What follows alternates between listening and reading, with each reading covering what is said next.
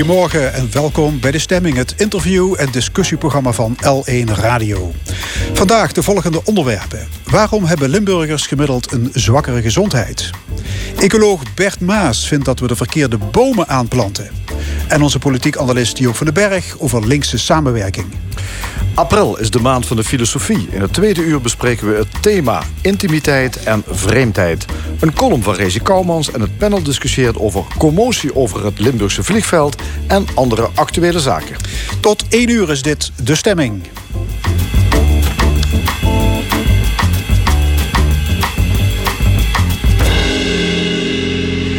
Niet alleen in het verleden was de gezondheidssituatie in Limburg slechter dan in de rest van Nederland. Nog steeds leven Limburgers ongezonder en gaan ze eerder dood. Is er soms sprake van een onuitroeibare Limburg-component? Daarover gaat deze week een congres in Maastricht. We gaan voorbeschouwen met twee deelnemers. Historicus Mayra Murkens van de Universiteit Maastricht... en Mandy Leurs, epidemioloog van de GGD Zuid-Limburg. Goedemorgen, allebei. Um, ja, als de coronapandemie iets duidelijk heeft gemaakt... dan is het wel hoe kwetsbaar ons leven kan zijn. Mandy Leurs van de GGD. Uh, in die zin kun je het misschien ook als een wake-up call zien, die, die golf? Jazeker, dat denk ik eh, dat iedereen zich dat inmiddels wel heeft beseft. Hè? We zien natuurlijk toch dat in de coronatijd met name de kwetsbare doelgroepen eh, zwaar getroffen zijn. Dan heb je over de mensen met chronische ziekten, dus mensen met diabetes, met hart- en vaatziekten, de mensen die overgewicht of obesitas hebben. En ik denk dat dat alleen maar nog meer benadrukt hoe belangrijk het is om gezond te leven ja, zeker. Als je, als je, al ongezond was, dan werd je door die coronapandemie werd je, ja, werd je extra hard getroffen, werd je eerder getroffen. Ja, zeker. En uh, ik denk dat dat inderdaad belangrijk is, die wake-up call, wat je ook al zegt. Uh, ja, we moeten toch echt meer gaan investeren in die, uh, in die gezonde leefstijl en het belang van gezond leven nog meer op nummer 1 zetten.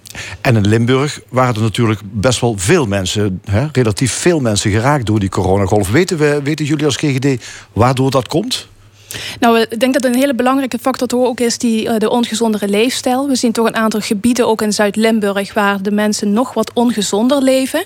En dan noem ik al voorbeeld even een aantal gemeenten in de Parkstadregio. Daar zien wij ook in onze cijfers van de GGD dat de mensen daar ongezonder zijn. Dus dan is het ook ja, logischer dat ook daar de mensen wat harder getroffen worden door zo'n coronapandemie. Ja. Ja. Mayra Murkens, u bent promovenda, historica uh, en spreker op een congres met als titel Trendbreuken in de Limburgse gezondheidstoestand. Daar komen eigenlijk het heden en het verleden van de Limburgse gezondheid bij elkaar. Is wel opmerkelijk, hè, zo'n setting waar een ja, een epidemioloog en een historica elkaar ontmoeten. Ja, dat is het zeker. Dat was ook wel ons doel om, om eens het heden wat meer uh, te verbinden aan het verleden. En ook vanuit mijn onderzoek als historicus um, meer in te springen op de actualiteit. Um, ik ben vier jaar geleden begonnen met mijn onderzoek. Uh, ja, op een gegeven moment toen de coronapandemie toesloeg... toen uh, werd tegen mij gezegd... nou, jouw inleiding die schrijft zich vanzelf in deze tijd. Want uh, ja, je kan heel veel parallellen nu wel trekken. Ja, u doet onderzoek naar het, het verleden... De, de gezondheidstoestand in het verleden... en met name in Maastricht. in Maastricht van de 19e eeuw en begin 20e eeuw. Kunt u eens uitleggen wat u doet?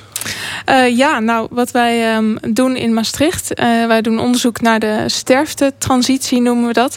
Daarin in de 19e eeuw uh, heerste infectieziekte heel veel en stierven er vrij veel mensen. En vooral op jonge leeftijd, vooral bij de zuigelingen, de kinderen, maar ook de volwassenen um, tussen de 20 en 50 die in de fabrieken werkten, die stierven toch vaak aan tuberculose of allerlei andere infectieziekten. En we zien dat in, in eigenlijk geheel Europa, de westerse wereld, dat zo aan het einde van de 19e, begin 20e eeuw vindt er een verandering plaats waarbij mensen minder aan infectieziekten sterven en veel meer aan welvaartsziekten. Maar daarmee gepaard wel dat er over het algemeen minder sterfte is. Of sterfte op latere leeftijd. Ja, maar ook in die 19e eeuw um, was het stad als Maastricht.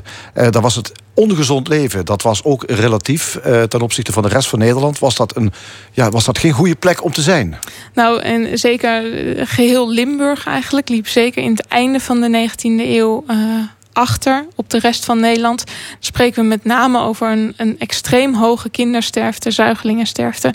Uh, waar die in uh, het Noordwesten al zo rond 1870, 1880 sterk aan dalen was. Uh, duurde het in, in Limburg nog een paar tientallen jaren langer voordat dat gebeurde. Ja, neem ons, ons mee, eens mee naar dat Maastricht van die 19e eeuw. Wat, wat, wat moeten we ons voorstellen? Waarom was die situatie zo slecht? Um, nou, allereerst is eh, Maastricht een van de, wat, wat de luisteraars uiteraard zullen weten, een van de weinig echt geïndustrialiseerde steden van Nederland. In de 19e eeuw. In de 19e eeuw. Um, en Hoewel dat natuurlijk uiteindelijk een, een uh, verbetering van de welvaartstoestand teweeg brengt, is het allereerst ook, komt er een verslechtering van levensomstandigheden. Uh, denk aan nou ja, ongezonde levensomstandigheden door überhaupt de aanwezigheid van fabrieken, wat ze uitstoten, maar ook dat Maastricht, en dan in het bijzonder, was een garnizoenstad. Dus uh, buiten de muren van de stad mocht eigenlijk geen, uh, geen huizen gebouwd worden. Maar met het ontstaan van de fabrieken vanaf de midden 19e eeuw uh, trokken er wel steeds meer mensen naar Maastricht. Dus die stad was vol met veel arbeiders. Veel arbeiders die ook nou, net aan genoeg verdienden of net aan niet genoeg verdienden om uh, te leven. Dus ook, uh, het was niet voldoende geld om nou echt gezond te eten. Uh, mensen maakten ontzettend lange dagen in de fabrieken. en dan allemaal bovenop elkaar. Ja, dat, dat is een walhalla voor infectieziekten. Ja, en mensen leefden ook... het waren slechte huizen, hè? het waren krotten waar ze in woonden. Zeker. Ja. Um, uw collega Willy Brocht Rutte die zei een keer dat er... die kindersterfte die was extreem hoog in Maastricht. En hij noemde dat de proletarische component... Ja, dat is uh, uh, waar ik uh, en Willy Broert Rutte, daar werk ik nauw mee samen. En um, een deel van het onderzoek richt zich ook op waren er nou verschillen in sociaal-economische status in sterfte. Dus is het zo dat de lagere klassen die minder verdienden, dat die dan een hogere sterfte hadden. Um, wij kunnen dat moeilijk echt aantonen voor Maastricht. Want ja, uh, als historici heb je helaas niet altijd de perfecte bronnen tot je beschikking. Maar we kunnen het toch wel zeker heel erg aannemelijk maken dat het vooral in die lagere sociaal-economische klassen, dat daar uh, de, de meeste sterfte aan infectieziekten was. Ja, dus in die, 19e eeuw, in die 19e eeuw deed Limburg het eigenlijk best wel slecht op gezondheidsgebied. Zo extreem als toen is het nu misschien niet. Maar uh, u zei al, um, van de GGD, dat het ook nu Limburg opvalt. Hè? Wij doen het slecht. Uh, dat heeft met onze leefstijl te maken? Ja, dat klopt. Als je kijkt naar de cijfers, dan zie je dat de, de levensverwachting van de uh, mensen hier in Zuid-Limburg gewoon lager is. Die ligt een jaar lager ten opzichte van het uh, gemiddelde van de Nederlander. En als je kijkt naar het aantal jaren dat we in goede gezondheid leven, dat is hier zelfs drie jaar korter dan in de rest van Nederland. Dus dat, ja, dat geeft wel uh, aanleiding om eens verder te gaan graven van wat is hier precies aan de hand. Ja, wat, is, wat, is, de, wat is de oorzaak? Ja, ja precies, inderdaad. En daar is ook al geruim een aantal jaren is daar al aan aandacht voor. Um, en een van de belangrijkste factoren die daar ook in meespeelt, is denk ik wat Maya net ook al aantoont, dus blijft ook, ook wel het lagere opleidingsniveau is een belangrijke voorspeller van die achterstanden. Um, je ziet ook wel een stukje vanuit het verleden wat weer ook meekomt nog naar het heden. Het mijnverleden heeft daar een grote rol in. Een stukje cultuur speelt daarin mee. Maar cultuur, dat betekent dat we het graag uh, gezellig hebben en uh, meer eten en drinken? Ja, dat is toch een beetje de Burgondische leefstijl, hè, waar we het toch vaak ook over hebben als we het over Zuid-Limburg hebben. Dat speelt natuurlijk toch wel mee. Het is toch wel gebruikelijk dat we hier een stuk fly serveren en misschien nog een hapje extra of een stukje extra nog nemen. En dat, uh, dat, ja, dat is toch een patroon wat je ook ziet dat dat zich doorgaat naar de volgende generatie. Het is niet iets wat stopt bij één generatie, maar het is, het is dat noemen we sociale overerving. Dus het gaat door van de ene generatie op de andere. En daardoor blijf je toch wel ermee te maken hebben dat we hier in Zuid-Limburg het iets slechter doen ten opzichte van de rest van het land. Ja, het, het, heeft, het, het heeft ook te maken met opleidingsniveau, begrijp ik. Hè? Ja, Mensen klopt. die een lager opleidingsniveau hebben, ja, die, gaan, ja, die leven ongezonder. Wat, wat, wat heeft dat met elkaar te maken? Ook met een lage opleiding. Je weet toch eigenlijk wel wat, wat goed en slecht voor jezelf is. Ja, dat zeggen we natuurlijk allemaal wel. Maar de vraag is van, doen we dat dan ook? Gaan we ook echt inderdaad ons gezonder gedragen? Zijn we ook in staat om dat gezond gedrag te kunnen volhouden? Want dat is natuurlijk ook een belangrijk. Je moet eerst weten wat natuurlijk gezond is en wat niet gezond is. Dat zeg je van, dat weten we allemaal wel. Maar de vraag is of iedereen zich dat wel zo goed beseft. Maar ook het gedrag kunnen volhouden. Dus dat is ook een hele belangrijke. En dan ja, heb je toch heel veel mensen ook met beperktere gezondheidsvaardigheden, noemen we dat dan. Die toch minder goed in staat zijn om ook dat gezonde gedrag uh, vol te houden. En dat maakt natuurlijk ontzettend ingewikkeld. En dat zie je dat dat met name die beperktere gezondheidsvaardigheden terugkomt bij mensen met een lager opleidingsniveau. En dat is de link tussen opleidingsniveau en ja, gezond gedrag. Ja, in die zin is er dus zowel in de 19e eeuw sprake van een slechtere gezondheidssituatie in Limburg ten opzichte van de rest van Nederland. En dat is nu eigenlijk nog steeds zo. Um, ja, is er dan inderdaad zoiets als een Limburg-factor? Ik denk dat een hele mooie vraag is. Een vraag die ook al eh, een aantal jaren geleden gesteld is eh, door eh, de provincie Limburg. Heeft toen de opdracht gegeven aan de GGD Zuid-Limburg van ga dat nou eens uitzoeken. Probeer die gezondheidsachterstand van Limburg nou eens te onderzoeken en verklaren. Daar heeft mijn eh, collega Maria Jansen, zij is ook gezondheidsanalist hier in het programma, heeft daar een mooi rapport over geschreven. Eh, op zoek naar de Limburg-factor. En wat je daarin uh, terugziet, is inderdaad de, dingen wat ik juist ook al noemde. Die, opleidingsniveau is een hele belangrijke voorspeller. Um, cultuur speelt dus inderdaad ook zeker mee. Uh, je hebt ook te maken met het onderwijs is ontzettend belangrijk. Je moet ook mensen hier in de regio houden. Dus de hoger opgeleide trekken ook alweer weg uit de regio. Dus er zijn heel veel verschillende factoren die met elkaar samenhangen. Dus je kunt niet zeggen het is één dingetje. En als we dan die, aan die knop draaien, dan hebben we daarmee het opgelost. Dat is helaas niet zo eenvoudig. Ja, er zijn meerdere Limburg-factoren dus eigenlijk. Ja, maar dat er wel iets, iets specifieks hier voor Limburg is, dat denk ik wel dat we dat wel mogen constateren, ja. Ja. Mayra Murkens, uh, promovenda aan de Universiteit Maastricht. Uh, hoe is die erbarmelijke toestand in de 19e en begin 20e eeuw in Maastricht? Uh, hoe is die aangepakt? Want uiteindelijk, zal zeggen, is, is, is het wel omgebogen, het beeld? Zeker, uiteindelijk. En daarom noemen we ons uh, publiek, publieksevenement ook trendbreuken, meervoud. Want er is ooit wel een trendbreuk geweest... waarin dus uh, Maastricht in ieder geval weer meer in de pas ging lopen... met de rest van Nederland en er minder gezondheidsverschillen waren. Um, en uh, mensen denken vaak dat al die infectieziektes, daar, daar kwamen we pas vanaf toen er antibiotica kwam, toen er vaccins kwamen. Uh, maar het, het, het, grappige is eigenlijk dat juist al voor de introductie van al die vaccins en antibiotica, er uh, enorme verbeteringen in de gezondheid waren. Um, daar zijn een aantal factoren voor. En het is net als in, in hedendaags onderzoek heel moeilijk om de vinger echt te leggen op van nou, het is één één ding wat ervoor heeft gezorgd dat het verbeterde. Het is echt een samenspel van omstandigheden. Um, wat we in Maastricht zien is dat toch aan het begin van de 20e eeuw begint ook uh, de stijging van de welvaart door die fabriek. En dat begint ook um, effect te hebben bij de lagere klassen. De lonen beginnen eindelijk een beetje te stijgen. Dus ze hebben net iets meer ruimte om um, uh, gezondere voeding te kopen of net wat betere huisvesting. Uh, en daarnaast. Initiatieven op het gebied van publieke gezondheid, die zijn denk ik uh, heel erg effectief geweest. Uh, en dan is natuurlijk, als die initiatieven opkomen, is er ook nog de vraag: hoe ga je zorgen dat die mensen uh, openstaan daarvoor en dat ze die hulp ook aanvaarden en, en omarmen. Um, en dat vooral als je goed kan aansluiten bij je doelgroep. Uh, dat was bijvoorbeeld het Groene Kruis in Maastricht. Dat waren nonnen, katholieke nonnen die uh, de deuren langs gingen. Die uh, moeders probeerden te helpen met, met beter hygiëne, betere hygiëne voor de kindjes. en daar was een, een, soort common grounds op het gebied van het katholicisme. katholicisme. Dat was natuurlijk nog heel sterk verankerd in de cultuur.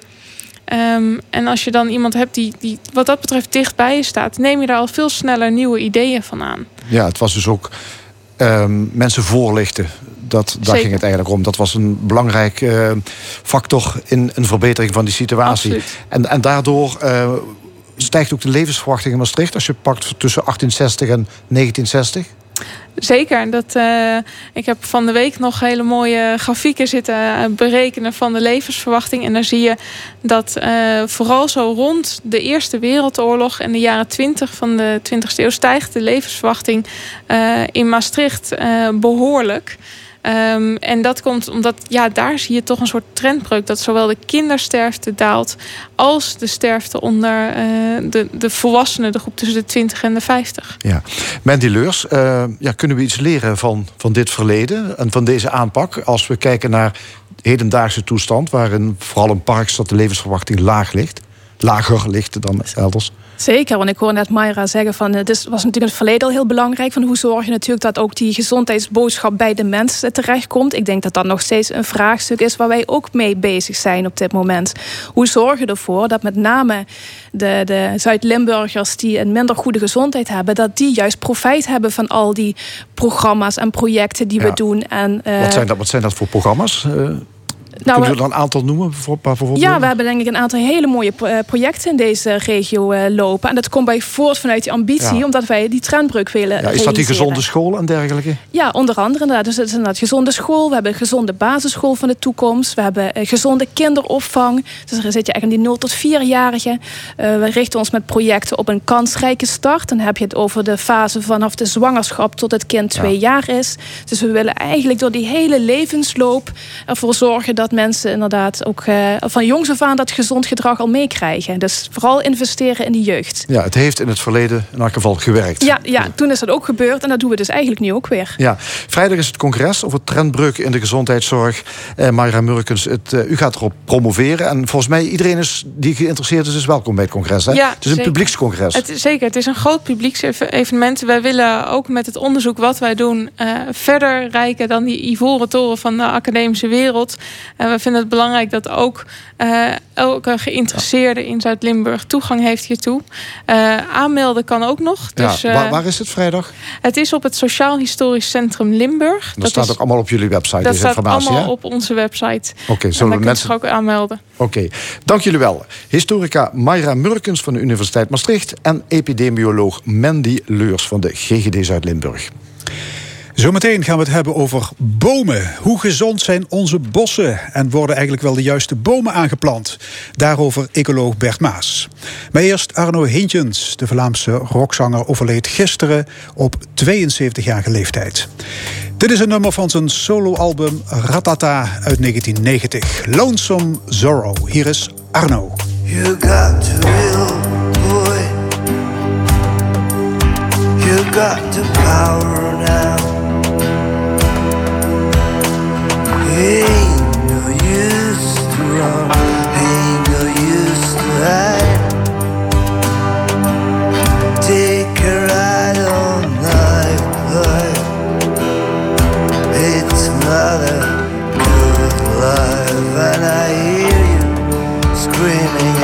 time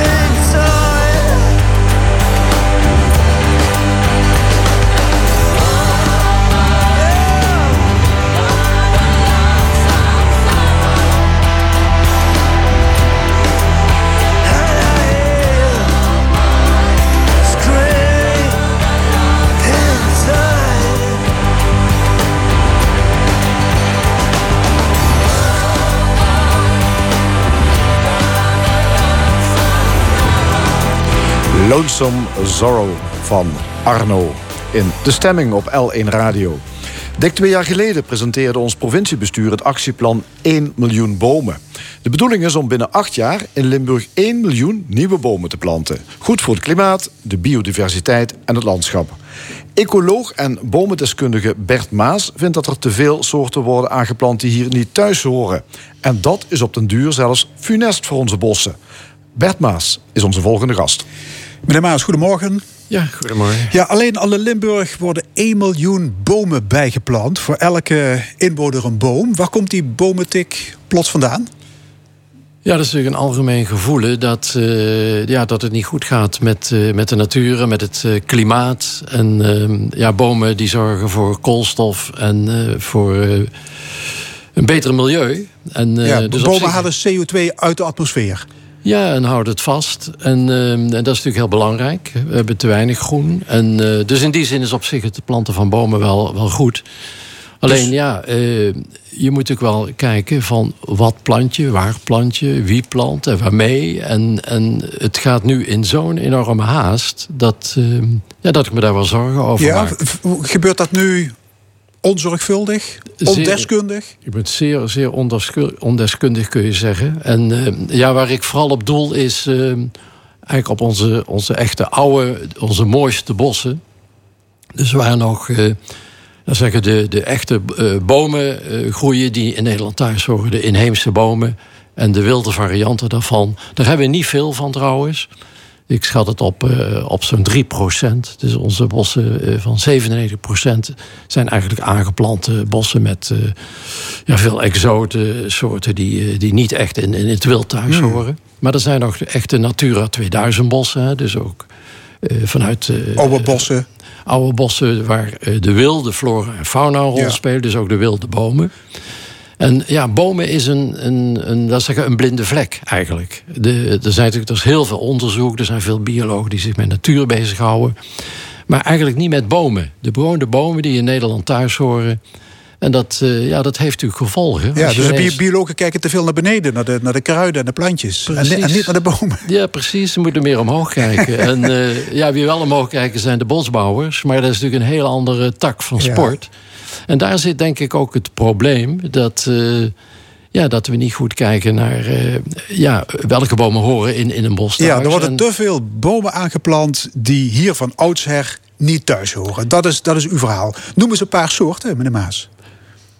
Nou ja, dat, dat zijn soorten als, uh, als linden, haarbeuk, eiken. Dat zijn eigenlijk wel de gewone bomen. Maar het, het gaat natuurlijk ook om de wilde varianten daarvan. Dus niet om de, de sierbomen en de houtteelbomen. De geïmporteerde bomen. En uh, daar, daar zit eigenlijk te weinig kennis bij de terreinbeherende instanties. Wat is dan precies het probleem met die niet-inheemse soorten? Die zijn wat doen die kwaad? Die doen geen kwaad, maar het is eigenlijk ook geen goede vraag. In die zin uh, als je het over natuur hebt, over de wilde flora en fauna... dan vraag je bij de bosanemonen ook niet af van... Uh, is de bosanemone uit Italië misschien beter? Nou, het, uh, wat dat hier groeit in het wild, dat is het kenmerk en dat is de kwaliteit. Die, die hebben na de ijstijd hier soms al duizenden jaren... hebben die populaties hier gestaan. Dus die zijn ook heel sterk? Ja, en juist Zuid-Limburg heeft nog van die topbossen, van die oeroude bossen. Het Savelsbos bijvoorbeeld is het allerbeste bos in Nederland. Met 3000 lindenbomen hebben ze allemaal geteld. Daar zit natuurlijk wel een hele cultuurhistorie van menselijk gebruik doorheen. Maar die populaties die zijn oeroud. En uh, zijn waarschijnlijk ook heel goed bestand tegen klimaatverandering. Ja, ja, u bent heel erg onder de indruk hè, van het Savelsbos. Het bos tussen Kadir en Keer het Gronsveld. Dat is gewoon u komt er vaak, u doet er onderzoek. Wat is daar zo speciaal aan?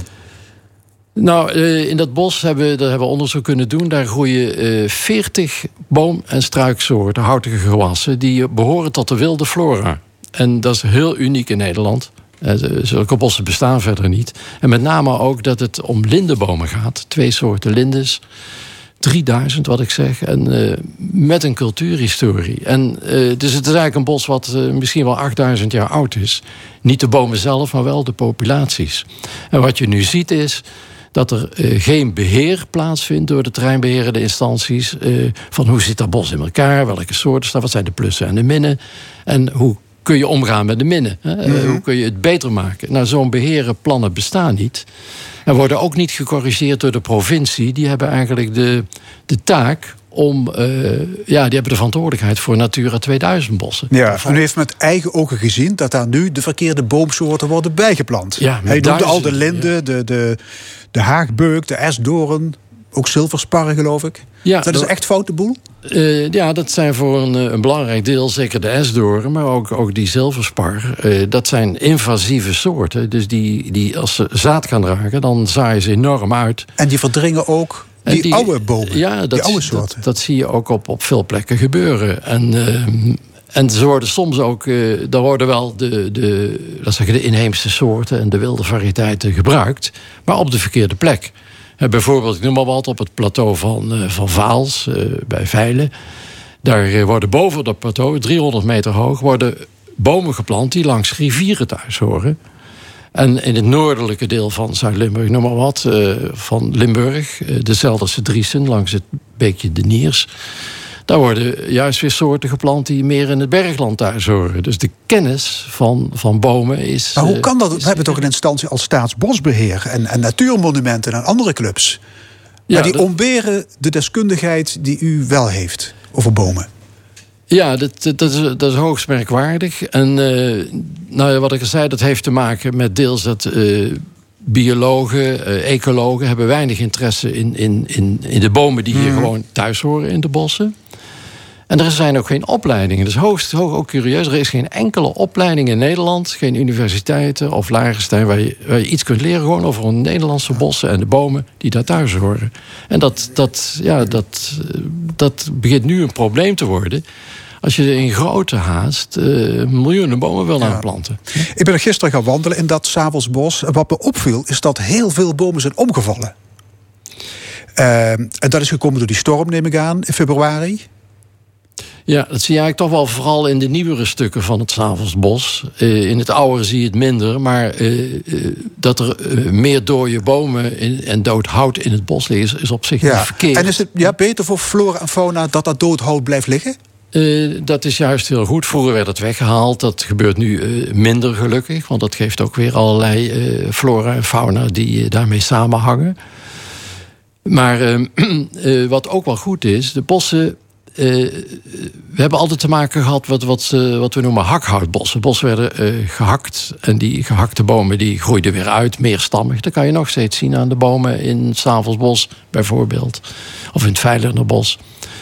En eh, eh, bomen worden dan, de bossen worden dan te donker. Eh, dat hebben we eigenlijk nooit meegemaakt. Eh, Wat wij zien aan, aan bossen met opgaande bomen is heel, heel uniek. Dat is heel bijzonder, die belevingswaarde. Maar de bossen worden ook te donker. En eh, het is al- helemaal niet slecht als er af en toe eens een boom omvalt. Dus het is ook heel goed dat er ook eigenlijk onderhoud wordt gepleegd. Het is een misverstand om te denken dat de natuur het zelf allemaal regelt. ja, goed, dat- goed beheer is broodnodig. Ja, toch? er wordt ook wel eens gedacht, laat het nou aan de natuur over. En het Savelsbos is voor een deel aangewezen als aan de natuur overlaten. is helemaal verkeerd. Heb ik ook heel lang gedacht zelf. Van, hé, hey, waarom doen we dat niet? Ja. Maar dat heeft tot gevolg dat, eh, ja, dat bossen worden te donker. De lichtmindende soorten die gaan de pijp uit. En je krijgt dus juist een verarming. Omdat alleen schaduwverdragende bomen, die, die houden het dan uit. En wat je ook nog eens hebt, dat in, ook in die mooie bossen... eh, ik zei al, er zijn 40 eh, inheemse soorten in het Savelsbos... met wilde populaties. Maar er staan ook 60 soorten die, die er helemaal niet thuis horen. En eh, vroeger hebben we ook lang gedacht, en, en ik zelf ook eigenlijk wel, van eh, waarom kun je niet houtteelt en natuur, waarom kan dat niet samengaan? Dat is heel lang gedacht. Nou ja, daar ben ik ook eigenlijk wel helemaal op teruggekomen. Want ook in zo'n Savelsbos, daar zie je Amerikaanse eiken en esdoorns. De soorten die echt zeer nadelig zijn voor, voor het milieu en Ja. de, en de U ecosysteem. heeft er een verzamelnaam voor gevonden, hè? Kletskoekbomen. Ja, precies, ja. ja. Ja, als je bomen gaat aanplanten die in, in het bergland van Midden-Europa thuis horen... Of, of langs rivieren en, en dat je dan de verkeerde... maar ook niet eens de wilde bomen aanplant... ja, dan krijg je toch, eh, ja, toch een, een verkeerde ontwikkeling. Ja. Dan even iets anders, meneer Maas. Het Veilernerbos, u noemde het al, wordt geplaagd door de letterzetter. Eh, de Sint-Pietersberg door de roetschorsschimmel. gaat de conditie van ons bos achteruit? Ja, ik denk het eigenlijk niet zo gauw. Uh, uh, die, problemen die spelen toch vooral in jongere bossen. En, en niet in de, in de oudere. En de, de oude bossen, ja, daar mag best wel eens een boom omvallen. En, uh, en een, een ziekte, wat je in houtteelt en, en bosbouw een, een, een ziekte noemt... dat is in de natuur in feite een biodiversiteit. Dat zijn andere organismen die leven van bomen. Dus dat is niet altijd een probleem. Maar je hebt ook al ziektes nu met de S, eh, de S-taksterfte. Eh, dat zijn ziektes die van elders komen. En ja, daar hebben we ook mee te maken. Ja, als er een grote, grote droogte komt, dan vallen die bomen om. Terwijl die oude soorten, zegt u, die kunnen wel tegen een stootje. Die kunnen wel tegen een stootje. Meneer Maas, u heeft vorig jaar de atlas van wilde bomen en struiken uitgebracht. Een dikke pil van 720 bladzijden. De conclusie is niet positief. U zei het al, nog geen 3% van alle bossen heeft een substantieel deel wilde bomen en struiken. Dat vindt u alarmerend? Ja, want dat, het holt alleen nog achteruit. We gaan naar de 2%. En uh, ja, ik vind het toch wel, wel alarmerend uh, dat, dat je nog zo weinig hebt. En dat je op een gegeven moment bedenkt van... hé, hey, op het eind van deze eeuw... dan zijn er generaties, nieuwe generaties mensen... en die, die hebben dan geen idee meer hoe een bos er eigenlijk uit kan zien. Autofabriek Netcar heeft het Sterrenbos grotendeels gekapt. Een oud bos, bosje, had u ook de neiging om als demonstrant de, de boom in te klimmen? nou, eh, ik heb dat bos ook kunnen bestuderen. Er zit een klein deel in wat, wat echt oud bos is. Het geheel is ook als sterrenbos, eh, heeft het een, een, een erfgoedswaarde. Maar uh, ja, wat ik me dan in zo'n geval ook een beetje afvraag... het is zo'n groot industrieterrein... en uh, kan daar dan niet een klein stukje ergens creatief gevonden worden... en moet het dan weer ten koste gaan van een bos? Ja, met een beetje goede wil had dat uh, ja, voorkomen ja. kunnen worden, zegt u. Ja. het vorige kabinet wilde ons bosgebied met 37.000 hectare uitbreiden. Is die bossenstrategie door Rutte 4 overgenomen? Ja, die bosstrategie is overgenomen. En uh, ja, met de haast, uh, want dat is wel een probleem, vind ik. De haast waarin dat gaat gebeuren en de snelheid waarmee iets uh, gevonden moet worden. Ja, vergelijk het bijvoorbeeld, ik, ik, ik, zoek vaak wel eens naar metaforen. Stel nou dat je de Sintervaas, dat die gerestaureerd moet worden. En dat je zegt van ja, we hebben zoveel haast. Nee, we gaan niet bestuderen hoe dat gebouw in elkaar zit, dat die Romaanse kerk. En uh, we, er moet een aannemer komen uit de nieuwbouw, maakt niet uit, er moet snel. En we bouwen het Vrijthof vol met nieuwbouw, want we hebben ook nieuwe woningen nodig. Nou, dat gaat natuurlijk niet gebeuren. Hè? In de natuur is dit eigenlijk de normaal. En dus zover zijn we nog af van wat in de monumentenzorg bijvoorbeeld mm. wel ontwikkeld is. Ja, u zei vorig jaar de Volkskrant, dit wordt een ramp voor de natuur. Gewoon vijf jaar helemaal niets aanplanten. Ja, dat is uw ja, advies. Ja, ja. Niks doen. Ja, precies. Uh, gewoon eens reflecteren op dingen. Wat gebeurt er nou? Net wat we ook in de monument in de, in de medische wereld eigenlijk ook zouden hebben, moeten hebben. Reflecteren, wat gebeurt er eigenlijk? Uh, het gaat allemaal te haastig en te onkundig. En uh, ik moet zeggen, er zijn ook uh, in die bosstrategie uh, zijn er ook wel, wel goede ontwikkelingen. We hebben een, um, inmiddels een genenbank van alle wilde populaties in Nederland die we gevonden hebben in de afgelopen 30 jaar. Ja, er zijn er 50 inheemse soorten in, hè? In ja, dat ding bedoelt u? Ja, in, uh, in de polder. Ja. Daar is een levende. Boomzaden kan je in het algemeen niet naar Spitsbergen brengen... en dan een honderd jaar later nog eens kijken. Dat, dat werkt niet. Dus zijn levende genen, dat is echt wel een, uh, een interessante ontwikkeling. En er is ook een rapport uitgekomen in, uh, in het kader van de bosstrategie... Uh, planten voor de toekomst heet dat. Waarin ook uh, juist aandacht is voor de wilde bomen. Zowel voor de nieuwe aanplant als voor behoud van de bestaande populaties in situ. Dus en, ja, u zegt tegen mij, we bakken er eigenlijk zelf helemaal niks van. Maar het begint langzaam wel een beetje te kenteren? Het begint een beetje te kenteren. Ook de terreinbeherende organisaties uh, denken nu na van... Hey, hoe, hoe zit het eigenlijk? Zijn we niet te veel vanuit bosbouw bezig? En moeten we ook niet uh, vanuit, uh, meer vanuit natuur mm. kijken? Wat dat komt ook door is. uw oppositie als, als luizende pels? Want u zit er bovenop, hè? Ja, die luizen heb je nodig. En uh, ja, soms eh, kan je dat beter vanuit, vanuit uh, van buiten een organisatie dan van binnenuit doen. Ja, misschien en, zou er een outbreak management team voor de boom moeten komen. Wat een goed He? idee, ja. ja. Oké. Okay. En nog één ding. Het kabinet wil halvering van de stikstofuitstoot in 2030. Dat is toch goed nieuws hè, voor alle Natura 2000 gebieden? Ja, ja. nou, dat, dat is een heel goed idee. En, uh, maar dingen, ja, dat zijn allemaal dingen die toch allemaal niet onmiddellijk effect hebben en onmiddellijk uh, kunnen gebeuren. En uh, ja, dat is ook ja. een beetje mijn zorg dat toch de slechte ontwikkeling. Ik was gisteren ook nog bij het Stavelsbos, ook met een hele nieuwe aanplant met al die kletskoekbomen. dus het gaat voorlopig allemaal nog door. Ook het mijnweggebied hè, bij Roermond, prachtig eiken beukenbos. Ja zijn ook weer uh, honderden esdorens geplant. Denk ik, uh, ja, uh, even pas op de plaats, denk ik dan. Blijf waakzaam. Hartelijk dank, bomendeskundige en ecoloog Bert Maas. Ja, dank u wel.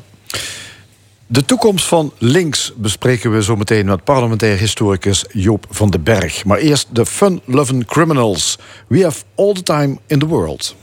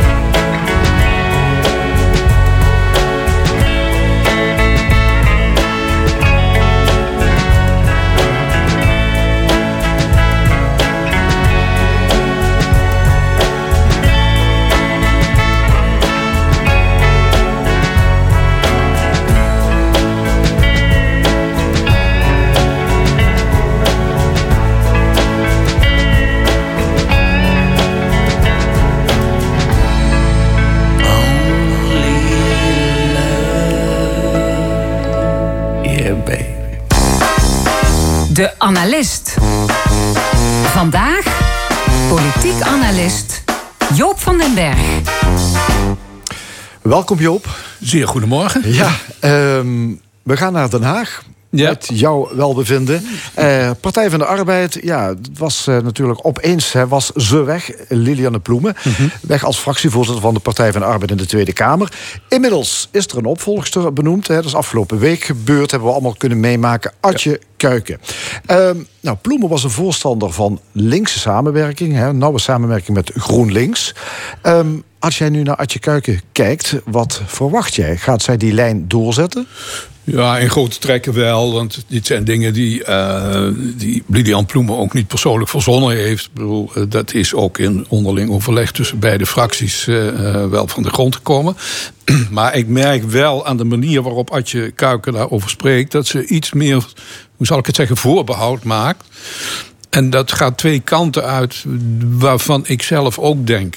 daar moet je meer ruimte voor scheppen. Het eerste is het is denk ik te mager als je uh, de progressieve samenwerking beperkt tot GroenLinks omdat, ja, Lilian Marijnissen roept het al... dat wordt een elitair links gezelschapje.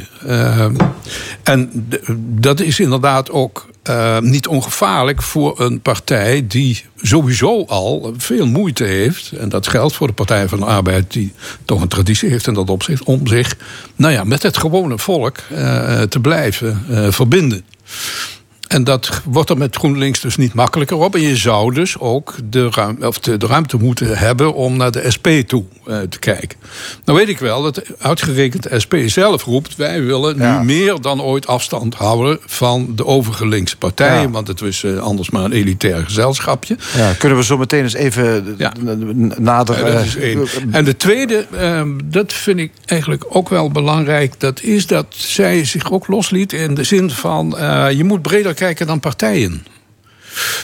Uh, en ik denk dat ze daar, als ze dat bedoelt, dat ze daar gelijk in heeft. Bedoel, de politieke partij begint natuurlijk toch uh, steeds verder aan betekenis te verliezen. als ze zich niet verbonden weet in een heel netwerk met andere organisaties. Zoals dat ooit ook wel het geval was. Want de partij is steeds verder geïsoleerd geraakt.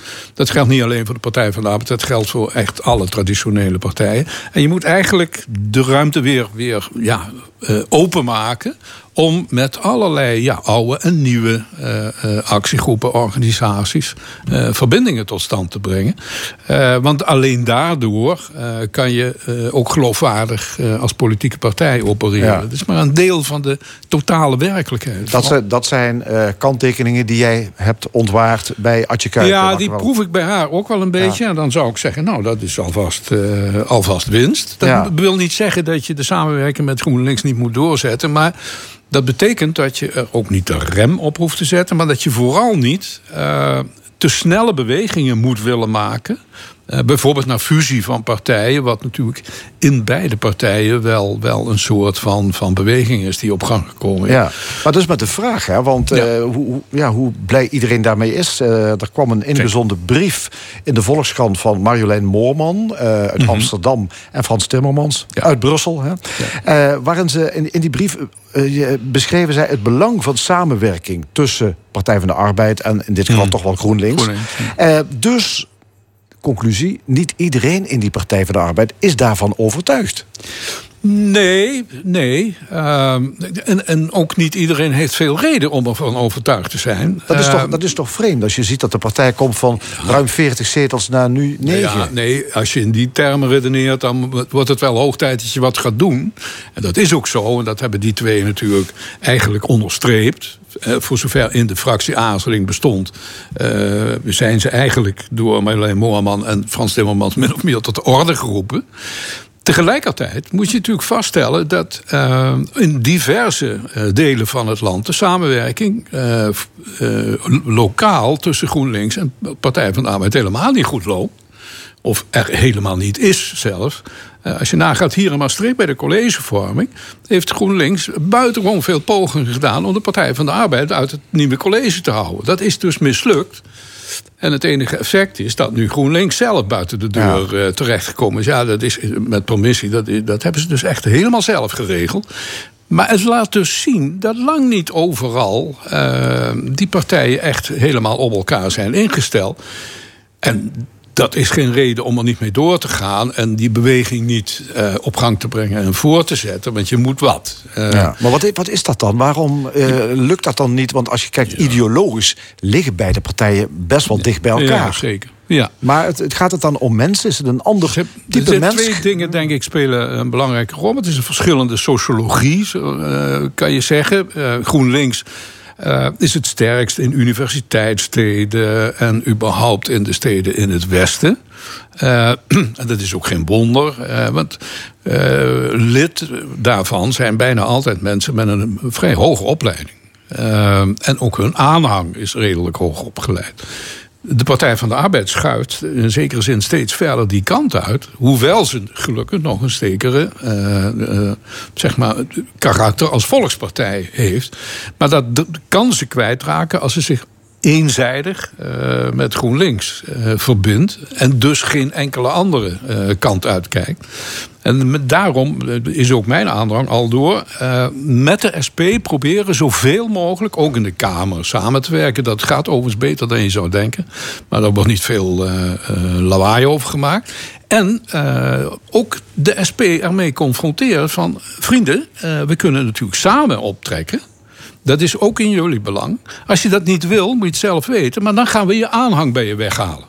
Uh, want er zal toch iets moeten uh, gebeuren. Maar dat betekent dat uh, die samenwerking van Partij van de Arbeid en GroenLinks, die dus als mogelijk elitair wordt weggezet. Om dat te voorkomen, moet je dus eigenlijk die arbeiders die nu nog SP stemmen, die zou je dan voor dat blok moeten gaan winnen. Ja, en je moet dat nog wordt wel een moeilijke natuurlijk. Dat was, ik zeg niet dat het makkelijk is.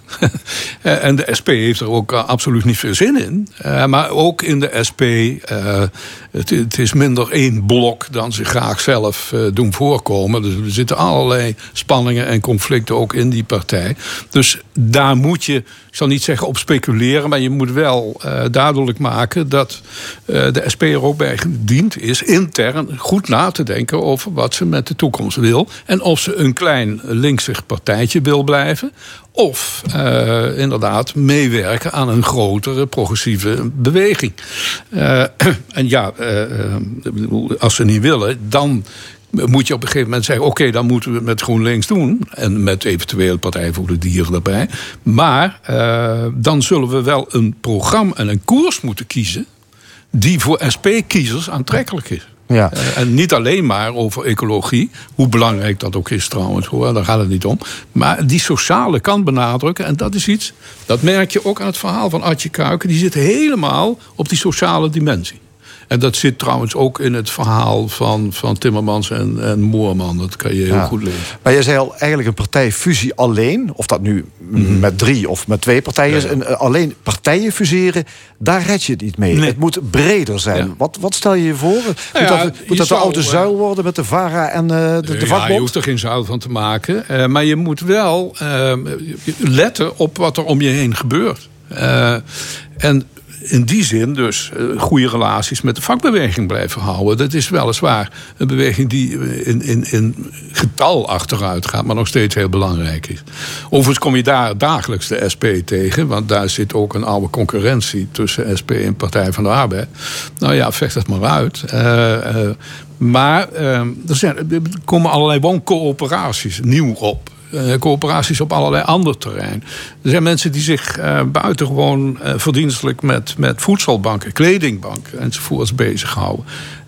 die hoef je niet allemaal op te roepen om naar de PvdA te komen. Nee, je moet naar ze toe gaan. En je belangstelling ervoor laten blijken. En kijken wat je voor ze kan doen. En dan komt vanzelf ook wel de, de, de beweging terug. En dat geldt zelfs, en dat maakt het was echt ingewikkeld, want het is nog veel ingewikkelder dan de SP. In een paar grote steden zie je dat in feite populistische of tegen het populisme aanhangende partijen, zoals Leefbaar Rotterdam, zoals Hart voor Den Haag, uh, eigenlijk met jouw aanhang er vandoor zijn gegaan. Ja, want we hebben het tot nu toe gehad over Den Haag, ja. als we het hebben over samenwerken. Over ja. Maar inderdaad, als je naar de, de gemeente kijkt, de, de ja. lokale politiek, dan zie je dat de Partij van de Arbeid in bepaalde grote steden, waar ze in het verleden natuurlijk machtige, de grote, ja, te grote waren. Dat is ook allemaal niet meer vanzelfsprekend. Nee. Hè? Ook daar is de PvdA kleiner geworden. Ja. En daar hebben inderdaad de lokalen hebben het overgenomen. Ja. En dat wordt alleen maar erger voor de Partij van de Arbeid, in ieder geval sterker. Naarmate ze langer, uh, als het ware, zichzelf isoleert van die uh, lokale uh, partijen. Natuurlijk, het zijn niet echt aangename types in een aantal opzichten. Ze hebben ook een aantal opvattingen die voor sterke bestrijding vatbaar zijn. Maar ze hebben tegelijkertijd vaak wel door wat ze voor hun aanhang moeten betekenen. en de enige manier eh, waarop je als het ware die, die impasse kan doorbreken tussen aan de ene kant de, de, lokale, iets wat populistische stromingen. en aan de andere kant nationale, uh, linkse, maar wel erg elitaire stromingen. is dat de Partij van de Arbeid, die kan dat als enige, gek genoeg, op die lokale partijen afgaat en zegt: en dan houden we op met elkaar uh, uh, voor rotte vis uit te maken. Ik bestrijd je als het nodig is, maar we werken samen als het kan. Uh, en niet allerlei alibis gebruiken, wat nu gebeurt, om het vooral maar niet te hoeven doen. Uh, natuurlijk. Uh, maar, maar zie je dat veel voor je? Ik bedoel, op veel plekken zit die Partij van de Arbeid toch ook in een coalitie waarin lokale partijen zitten. Dat is toch niet. Jawel, het is niet overal. Per definitie dat nee, ze niet met lokale samen gaan. Kijk, de Partij van de, er wordt naar de Partij van de Arbeid voornamelijk gekeken in de grote steden. Uh, daar had ze ook de belangrijkste uh, positie. Ja, nou, Amsterdam weer gewonnen trouwens. Of ja, nu gewonnen. Nou, ja, maar Amsterdam maar is ook een heel uitzonderlijke ja. uh, gemeente in dat opzicht. Omdat het geen echte lokale partijen kent, nog steeds niet. Er zijn er trouwens meer hoor. Leiden is wat dat betreft ook een een, een stad van nationale partijen. Maar hier, eh, in, in, in het zuiden, zijn lokale partijen de normale eh, partij geworden. Veel meer dan de nationale partijen, die krimpen alsmaar verder. Uh, en het kan dus dus ofwel je maakt plaats als nationale partij en zegt, nou ja, oké, dan doen we het ook mee. Of je zoekt uh, de verbinding met elkaar. Ja, die verbinding zoeken, maar dat, moet ik me dat voorstellen dat je echt samen gaat met, met lokale partijen? Nee, nee, nee, nee, maar dat je inderdaad de verbinding zoekt in, de, in coalities, in het college. En niet zegt, uh, zolang, uh, hoe heet het, meneer, hoe heet hij nou? Um, God, dan ben ik even zijn naam kwijt. Ja. Uh, in Den Haag zich... De Mos. De Mos. Uh, de Mos, ja. zolang die onder vervolging staat, werken we niet met hem samen. Dan denk ik, ja, dan laten we het openbaar ministerie uitmaken... wie er met elkaar ja. mag samenwerken. Oké, okay, dankjewel. We gaan kijken wat de komende tijd gaat komen. dankjewel, parlementair historicus Joop van den Berg. Einde van het eerste uur van de stemming. Straks gaan we het hebben over intimiteit en vervreemding, want we zitten in de maand van de filosofie. Verder de column en het discussiepanel. Tot zometeen na nieuws en reclame van 12 uur.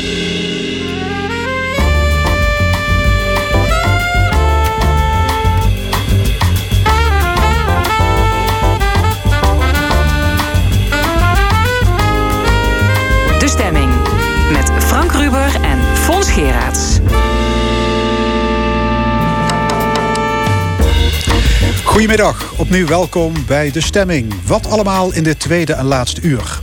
Het panel met Gabrielle Heijnen, Cor Bosman en Loek Hustings... discussieert over het ontslag van zorgmedewerkers met long covid... en andere actuele zaken.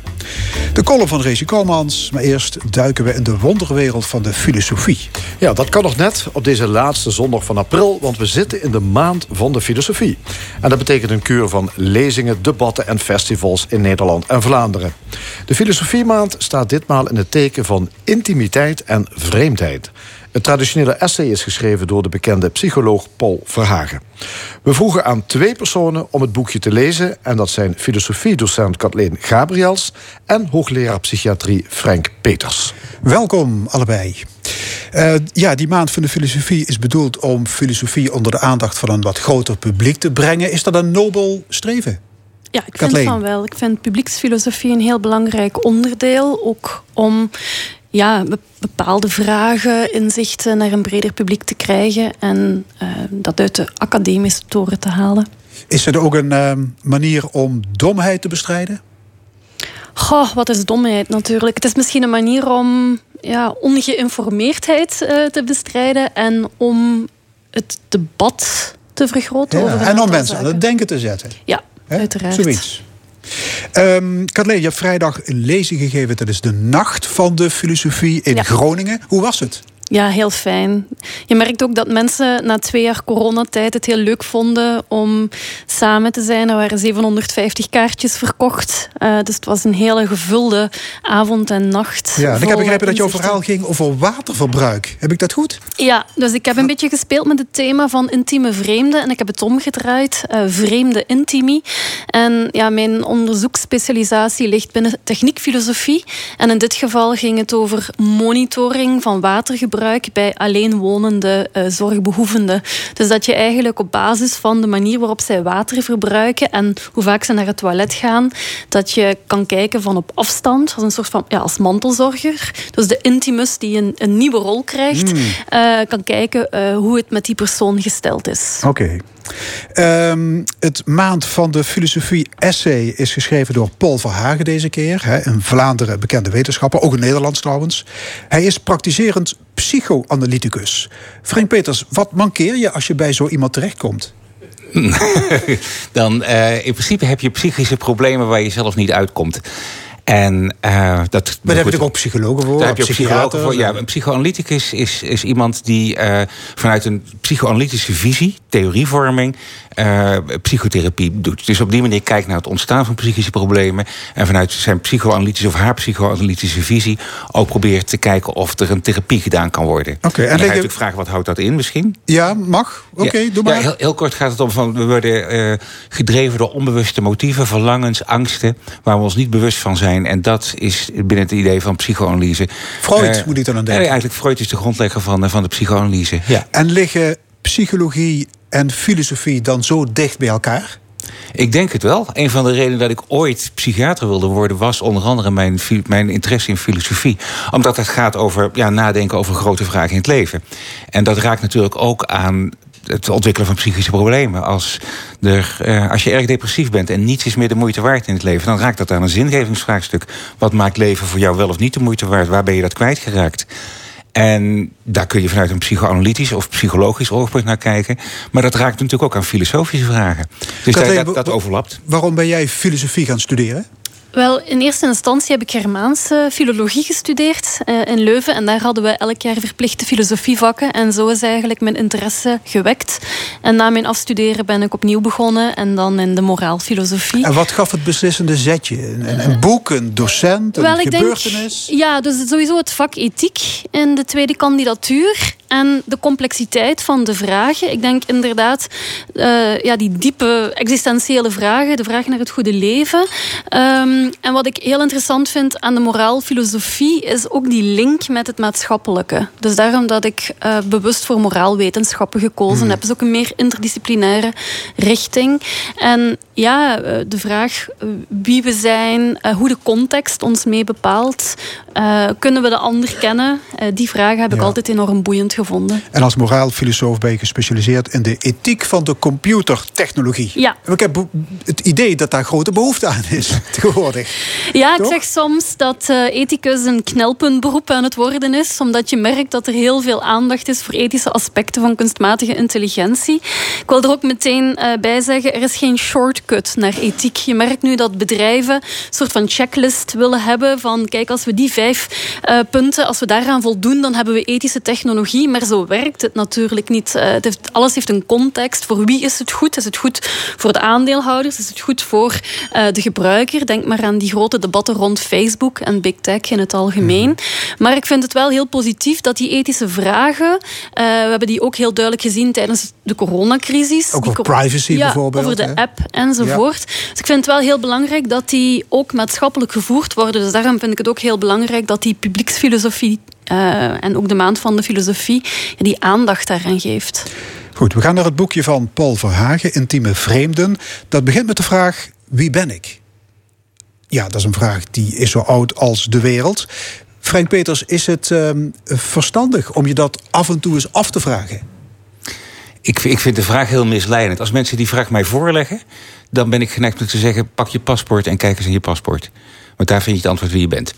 Uh, want het suggereert. Waar legt er dus uit? Nou ja, je paspoort staat dat ik Nederlander ben? Ja, daar staat nee. Ja, nou ja, dat, dat geeft je identiteit weer. Maar identiteit in de zin van. Uh, Wat, wat een van de dingen die ik aan spreken in dit boekje is, uh, en dat is niet een nieuwe gedachte, is dat wij hier in het Westen het idee hebben dat wij een stabiele, uh, coherente identiteit als persoon hebben. Maar als je kijkt naar hoe wij in de wereld komen en hoe wij langzaam volwassen worden, is dat natuurlijk in relatie tot uh, allerlei belangrijke elementen om ons heen. Onze ouders als sleutelfiguren. Dat zijn allemaal verschillende elementen. En we integreren dat tot een soort geheel waarbij jij denkt dat jij fonds bent met een identiteit, met jouw verhaal van jouw leven.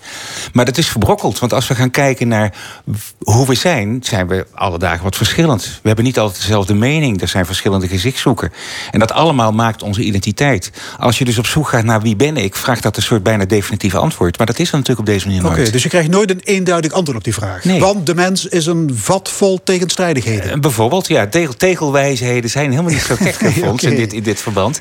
Dat, want dat klopt, wij zijn een, een vat vol tegenstrijdigheden. We hebben onze, onze, onze buien, onze stemmingen. Uh, en we zijn wat dat betreft veel minder coherent en eenvormig en stabiel als persoon... dan we ons misschien met z'n allen in het Westen okay, wijs Dus zelfreflectie, zelfkennis, het zet niet zoveel zoden aan de dijk? Ik, wat mij betreft wel. Maar dat wil niet zeggen dat je op een definitief antwoord uitkomt. Okay. Dat blijft denk ik een, een, een, ja. een, een, zoektocht waar je, waar je mee bezig blijft. Waar je nieuwe antwoorden op vindt. Ook afhankelijk van je levensfase, wie je ontmoet. Uh, wat er zich in het leven voordoet. Dat geeft andere antwoorden waarschijnlijk. Kathleen? Ja, ik vind zelf uh, het begrip vindicate tibi uit de uh, Stoïcijnse filosofie heel erg mooi. Dat betekent eigen jezelf toe. Dus dat gaat dan over het belang om na te denken. Niet per se wie ben ik, maar waar wil ik voor staan? Wat is voor mij een goed leven? En als je kijkt, dat was nu wel geen evidence-based studie, maar er is een, een, een vrouw een hele tijd teruggekeken naar de spijt van mensen op hun sterfbed. En een van de grote ja, spijtbetuigingen was: ik wou dat ik een leven had geleid waarin ik meer trouw was aan mezelf en minder aan wat een ander van mij verlangde. Dus ik denk wel dat dat een heel mooi leidend principe is van wat wil ik, waar wil ik voor staan. Meer trouwen jezelf. Ja. Dus minder je oren laten hangen naar wat de maatschappij van, van andere mensen, wat ja, de maatschappij van je wat, verlangt. Misschien wat je ouders van je ja. verlangden. Of uh, keeping up with the Joneses, zoals we zeggen. Wat hebben de buren? En die uh, competitie aangaan. Oké, okay, maar nu hebben we net corona achter de rug. Hè? Ja. Een periode waarin het leven op een wat lager pitje draaide. Voor menigeen ook aanleiding om vastgeroeste patronen tegen het licht te houden. Hè, moet ik dingen over een andere boeg gooien? Frank Peters, kwam dat ook aan de orde in jouw spreekkamer? Dit soort kwesties? Uh, dat weet ik niet, want ik zie geen patiënten meer. Dus oh, ik, ik, ik, kan, meer. ik, kan, ik kan nee. over mijn spreekkamer kan ik niet spreken... omdat ik uh, geen patiëntenzorg meer doe sinds een jaar of tweeënhalf. Maar kun je je voorstellen dat dat voor veel mensen wel een issue was? Uh, moet ik, het, moet, ik, moet ik, nou, of ik het helemaal anders moet doen? Gezien, het was toch een periode van reflectie. Uh, Mensen daar, is natuurlijk wel veel over gepraat. En in mijn privéleven, als ik, wat dat is het netwerk waar ik dan, waar ik dan over beschik nu. En daar, daar kwamen die gesprekken wel naar voren. Maar uh, het, het, lijkt niet te beklijven, want uh, de, iedereen is weer aan het vliegen. De meivakantie, we, we zijn allemaal weer in de auto aan het, het kruipen. Het oude normaal is gewoon, is ja, precies, terug. volgens mij wel. Volgens ja, mij is er niet heel veel in veranderd. Ik weet niet overigens of er niet een gedeelte van de mensen is... die toch uh, rondom een aantal van dit soort thema's wat anders zijn gaan denken en kijken. Dus misschien blijft het wel bij een gedeelte van de mensen over. Ik, Oké, okay, maar Verhagen zegt in zijn boekje... echte veranderingen gebeuren altijd na een crisis. En dan crisis, geen gebrek. Hè? Ik bedoel, na de bankencrisis kwam de coronapandemie. We zitten in een klimaatverandering. Er is oorlog in Europa. En Verhaag zegt: Ik hoop dat het ineenstorten van het kaartenhuis een collectieve bewustwording oplevert over hoe gevaarlijk en ziekmakend we deze planeet hebben gemaakt. Nou, op dat moment is hij eigenlijk meer socioloog dan. Uh, dan psycholoog, hè? Ja, eigenlijk meer maatschappijcriticus. Ja, ja dat, uh, dat, dat is natuurlijk wat mede in dit boekje wel, wel een van de rode draden is, ja. denk ik. Maar jij zegt, die collectieve bewustwording, ik, ik zie het niet. Het lijkt, het lijkt niet erg te gebeuren, nee. nee. Nee, je ziet een aantal zelfde thema's steeds terugkomen. Um, hij schrijft natuurlijk over het tempo wat, wat zo omhoog gaat in, de, in deze wereld. En wat leidt tot vervreemding. Uh, weinig tijd om na te denken wat je, wat je kernwaarden zijn waarvoor je wil leven. En hoe je je dagelijks leven vorm wil geven. Uh, ik las een tijdje terug een, een, boek over de uh, decennia voor de Eerste Wereldoorlog. Uh, ook daarin waren er een heleboel maatschappelijke ontwikkelingen die maakten dat het tempo van mensen om, omhoog ging. En dat mensen psychische problemen kregen. Dat noemden we anders dan nu. nu hebben we het over chronische vermoeidheid. En je kunt allerlei dingen. Dat heet de neurasthenie. Um, ja, en, en, en, daar werden ook allerlei therapieën voor aangeprezen. En, en, en brouwseltjes slikken. Uh, dus wat dat betreft zie je ook niet... Ja, ja, ja. ja, ja, niet ja je noemde al de term vervreemding. Dat, dat komt ook uh, aan de orde in dit boekje. Intieme vreemden. Kathleen, je bent filosoof. Wat is vervreemding? Wel, zoals Paul Vragen het hier opvat, gaat heel sterk terug uh, op het begrip van uh, Marx. Dus dan gaat het eigenlijk vaak met de focus op arbeid. Dus, dus de arbeider die vervreemd raakt door het productieproces. Dus vroeger had je bijvoorbeeld de meubelmaker en die, die kende zijn klant. Die maakte één stuk vol traagheid. En dan krijg je dat productieproces, um, waardoor dat je eigenlijk uh, mee in die rat race uh, stapt van voortdurend te vervaardigen. Maar je weet eigenlijk niet wie je klant is. En dan ook nog eens dat iemand anders met het kapitaal gaat lopen. Dus, dus, dus die focus op uh, de arbeider. En zoals Paul Vragen het ook gebruikt in het boekje, gaat het om anderen die ja, de macht hebben en die voor jou een soort van uh, ja, mal bepalen, een keurslijf waar je aan moet voldoen.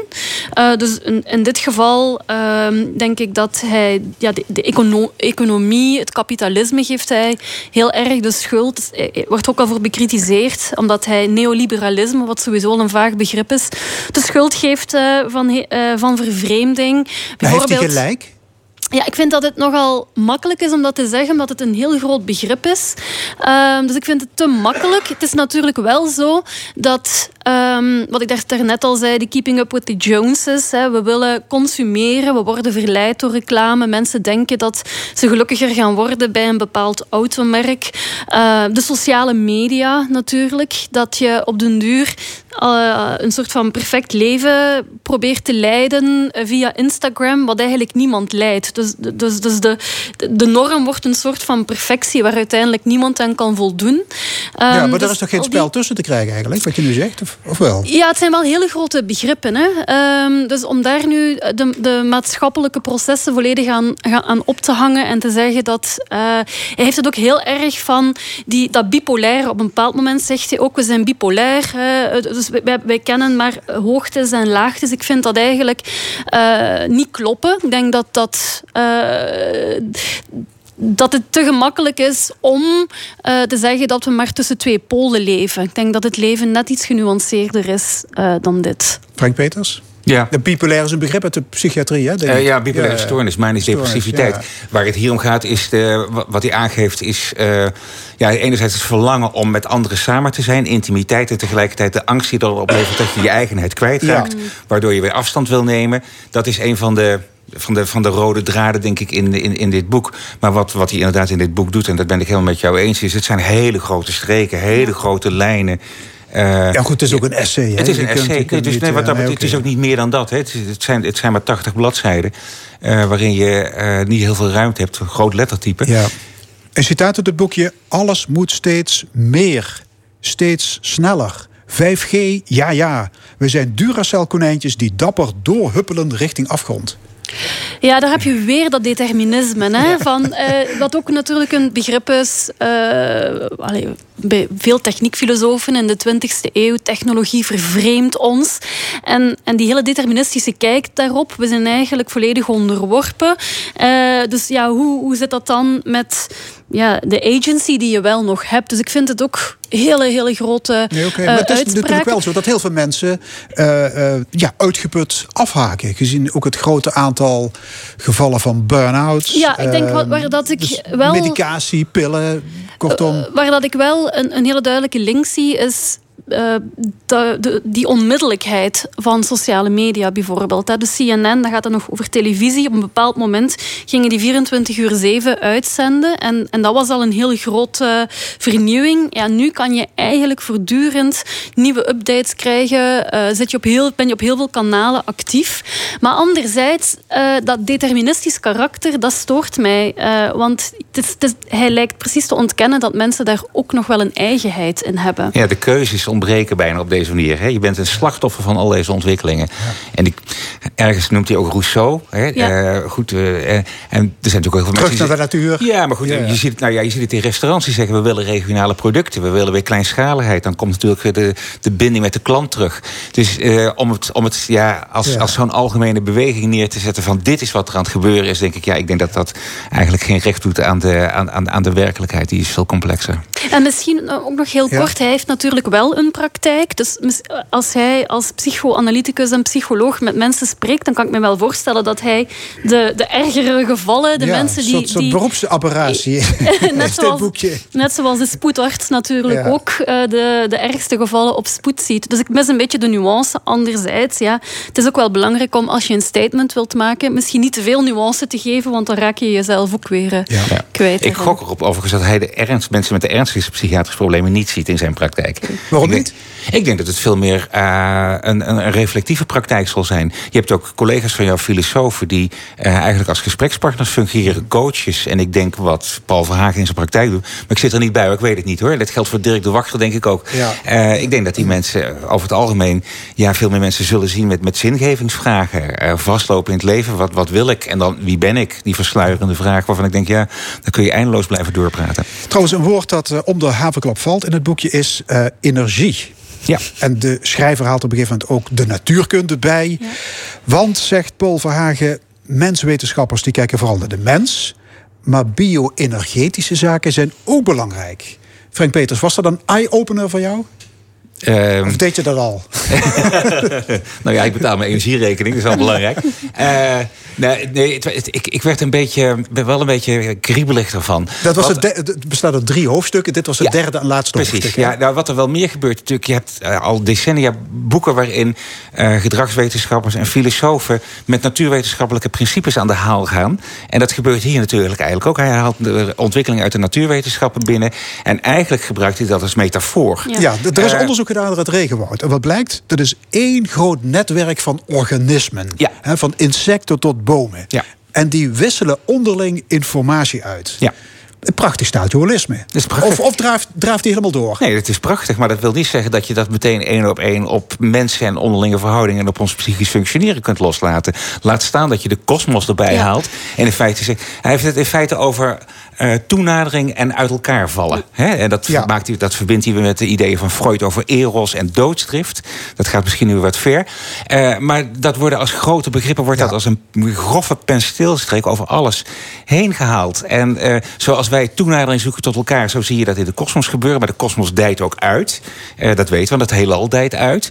en dat soort begrippen wordt in één op één op het menselijk functioneren, de menselijke psychologie. Ja, dan gebruikt hij ook steeds vaker wat vaagtalen. Ja, dat en ik, hier ben ik echt wel heel kritisch over. Omdat hij, ik denk, een van de grote fouten is uh, dat heeft die definitie die hij enerzijds bij Freud dan haalt, dus uh, eros en thanatos. Laat, dus, uh, enerzijds eros, de liefde, de verbinding, dan thanatos, de doodstrift, de ontbinding. Dus dat is heel erg geënt in die psychoanalyse. En dan gaat hij heel makkelijk over op het begrip van entropie. Gaat hij um, die, die natuurkundige begrippen en energie, zoals het in de natuurkunde begrepen wordt, maar hij haalt dat door elkaar en dan af en toe verwijst hij naar bekende natuurkundigen zoals Schrödinger en uh, Feynman, waardoor het allemaal hetzelfde lijkt te zijn. En hij had daar veel meer ja, ademruimte moeten nemen om dat uit elkaar te halen. Want nu ligt het echt op één hoop. Wat maar goed, dan hij had natuurlijk maar 80, 90 bladzijden. Bovendien het is een essay en dat betekent probeersel ja, in het Frans. Essay, ja, proberen. Uh, maar het is wel zo, hij dekt zichzelf wel in. Op een bepaald moment zegt hij van... Ik, ik, ik, uh, ik besef dat ik nu zeer speculatief te werk ga. Oké, maar wel de moeite waard om te lezen? Ik vond het heel vermakelijk om te lezen. Erg leuk hoor. Ja. Goed, het boekje Intieme Vreemden van Paul Verhagen... is verschenen in het kader van de Maand van de Filosofie. Verhagen geeft trouwens donderdag een lezing in de aula van de Universiteit Maastricht. Hartelijk dank, filosoof Kathleen Gabriels en psychiater Frank Peters.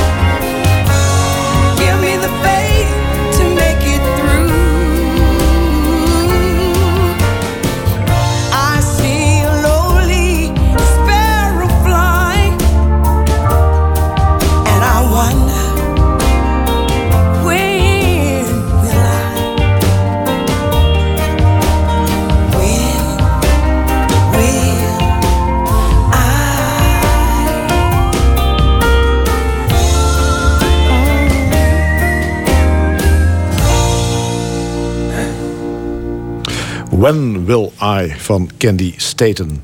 Dit is L1 met de stemming over politiek, cultuur en samenleving. En zometeen in de stemming het opiniepanel over het nieuws van afgelopen week. Maar eerst dit. De column. Vandaag met Rezi Kouwmans. Tjezek, wat kan er toch veel veranderen in zes weken? En tegelijk helemaal niks. Of zelfs gewoon nog erger werden. Want zes weken geleden zoot ik hier gewoon nog als rezi. Kastelein en comedienne, zoals Fons me altijd aankondigt. En nu kan ik daar nog aan toevoegen raadslid in de gemeente Roermond. Nou, Remun, de altijd bruisende stad die koste wat kost op de kaart gezet wil worden. Helaas komt ze er zelden positief op. Want ook deze week stond ze weer in de gezet met de slechte sfeer op het stadhuis. Intimidatie en angstcultuur. Tja, wat is nu? Tien jaar geleden sprak ik mijn aller, allereerste column voor L1 uit. In 2012. En die ging toen over het aftreden van Jos van Rij. Mr. Angstcultuur hemzelf. Daar heeft die armzeel zich eigenlijk nooit overheen kunnen zitten. Spiet had er dat er afgetrooien wordt. En zelfs nadat er veroordeeld was, had er zich er toch nooit bij neer kunnen leggen. Maar het volk heeft beslist.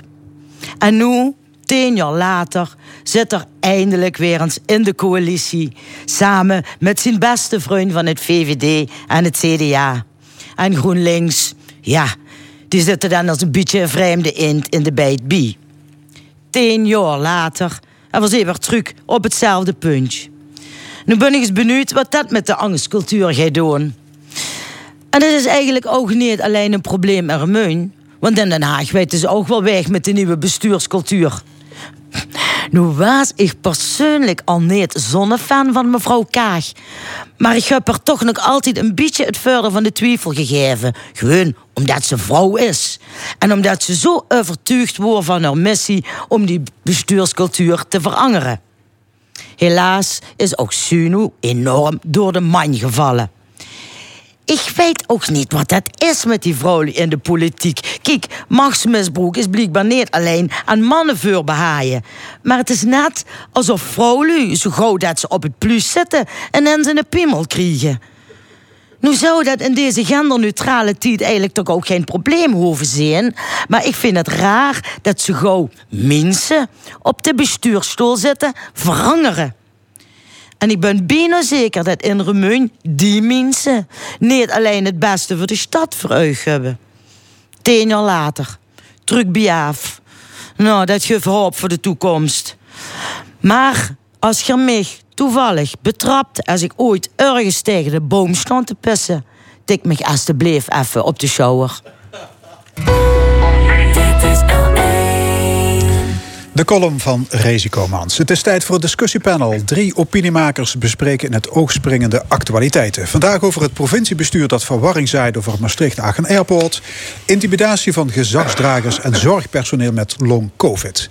Ik heet van harte welkom gemeenteraadslid Gabrielle Heijnen, communicatiestratege Loek Hustings en ondernemer Cor Bosman. Ja, welkom alle drie. Werknemers van Maastricht-Aken Airport schrokken zich afgelopen woensdag vast dat rot, want ze lazen dat het provinciebestuur het vliegveld zou willen sluiten. Nou, het bleek te gaan om een wat onhandig verwoord collegevoorstel, want GS willen nog helemaal geen standpunt innemen. Als jullie naar die uh, gang van zaken kijken, wat, wat denken jullie dan? Ja, hoe stom kun je zijn, hè? Ik vind dit ongelooflijk. Dat je toch voor deze provincie belangrijke stukken produceert. die je vanuit de provincie officieel laat uitgaan. naar al diegenen die daarbij betrokken zijn en die dat moeten weten. En je daar dan nogal helder zegt: onze voorkeur gaat uit naar sluiten. En achteraf dan komt aanzeuren van ik heb het niet gewoest, nee, zoals het niet bedoeld. Zeg ik, hoe stom kun je zijn dat je zo'n belangrijk stuk die dus even door een paar andere ogen nog laat nakijken, dat je daar kritisch tegenaan kijkt, dat geeft volgens mij aan hoe slordig men met die gang van zaken omgaat.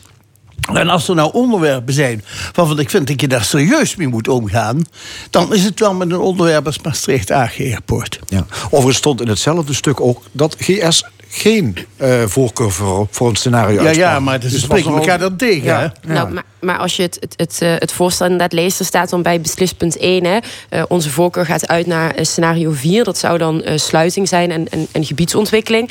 Um, ik ben het eens, het is heel verwarrend. Maar in die zin begrijp ik de, de, de opbouw van het voorstel wel. Want als je dus voor scenario 4 kiest... dan ga je dus kijken naar een andere gebiedsontwikkeling. En die andere drie scenario's houden wel het vliegveld open.